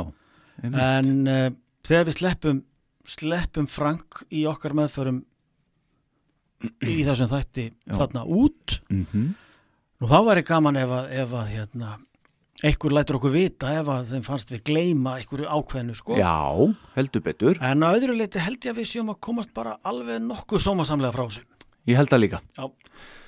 Hann les þess að svo komið skýrt fram 14. mæ 1998 í LA þá 82 ára gammal á 83. aldurs ári úr, getur við sagt, tvöföldu hjartáfalli. Þetta Já, var eitthvað svona að- svæsið dæmi. Já, ég held að bæði ósæðin hafi gefið sig og uh, það var eitthvað annað. Ég, ég fletti svona uppökt hjá hann sín tíma en, en hérna hans tími var bara kominn og, og uh, sangvæmt óskum ef að skildi nú verið eitthvað leið yfir í handan lífið, yfir í sömalandið Mhm. þá var nú ákveðið að hérna að stinga nú í kistuna með honum. Stóri flösku af Jack Daniels, Já, fyllteslausum kamel og Sippo. og niður kistuna? Já. Akkurat. Hefðu geta glemt þessu nefnilega. Nei, og, og á hérna leggsteininu stendur letra The best is yet to come kannski á það við um að ennþá eiga nýja kynsluðar eftir uppgötan Já, ég hugsa það. Ætli það ekki bara. 25 ári ár síðan hann lest Jón Agnar Ólafsson, takk fyrir uh, Jónsmessu nummer 3 Miklu frekka takk fyrir mig. Hlakka til nummer 4, við endum þetta á My Way.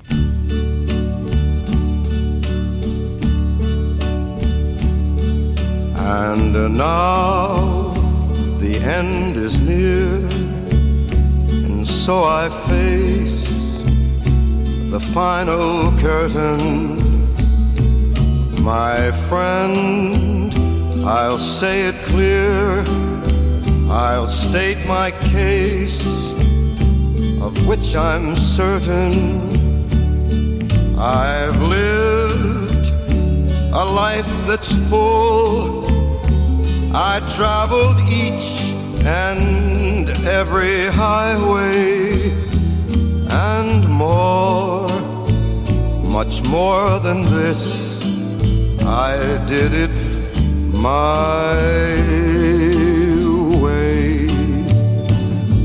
Regrets, I've had a few, but then again, too few to mention. I did what I had to do, saw it through without exemption. I planned each charted course, each careful step along the byway and more, much more than this. I did it my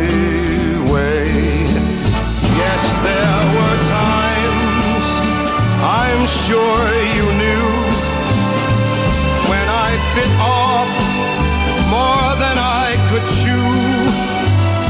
But through it all, when there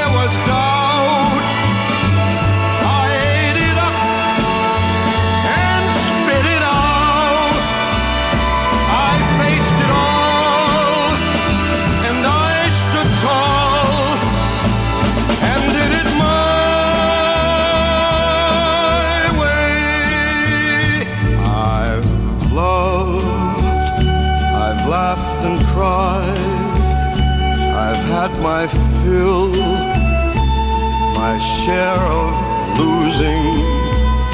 And now, as tears subside, I find it all so amusing to think I did all that. And may I say, in a shy way. Oh no, oh no, not me. I did it my way. For what is a man? What has he got?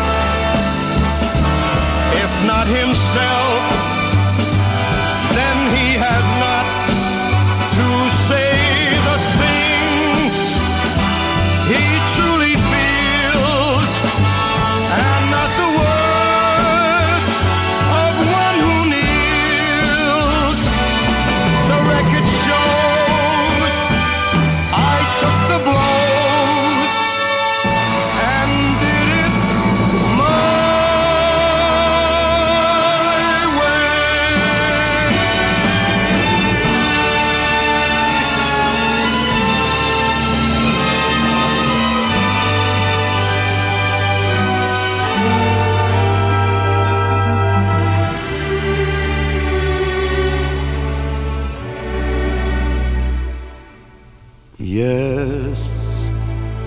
was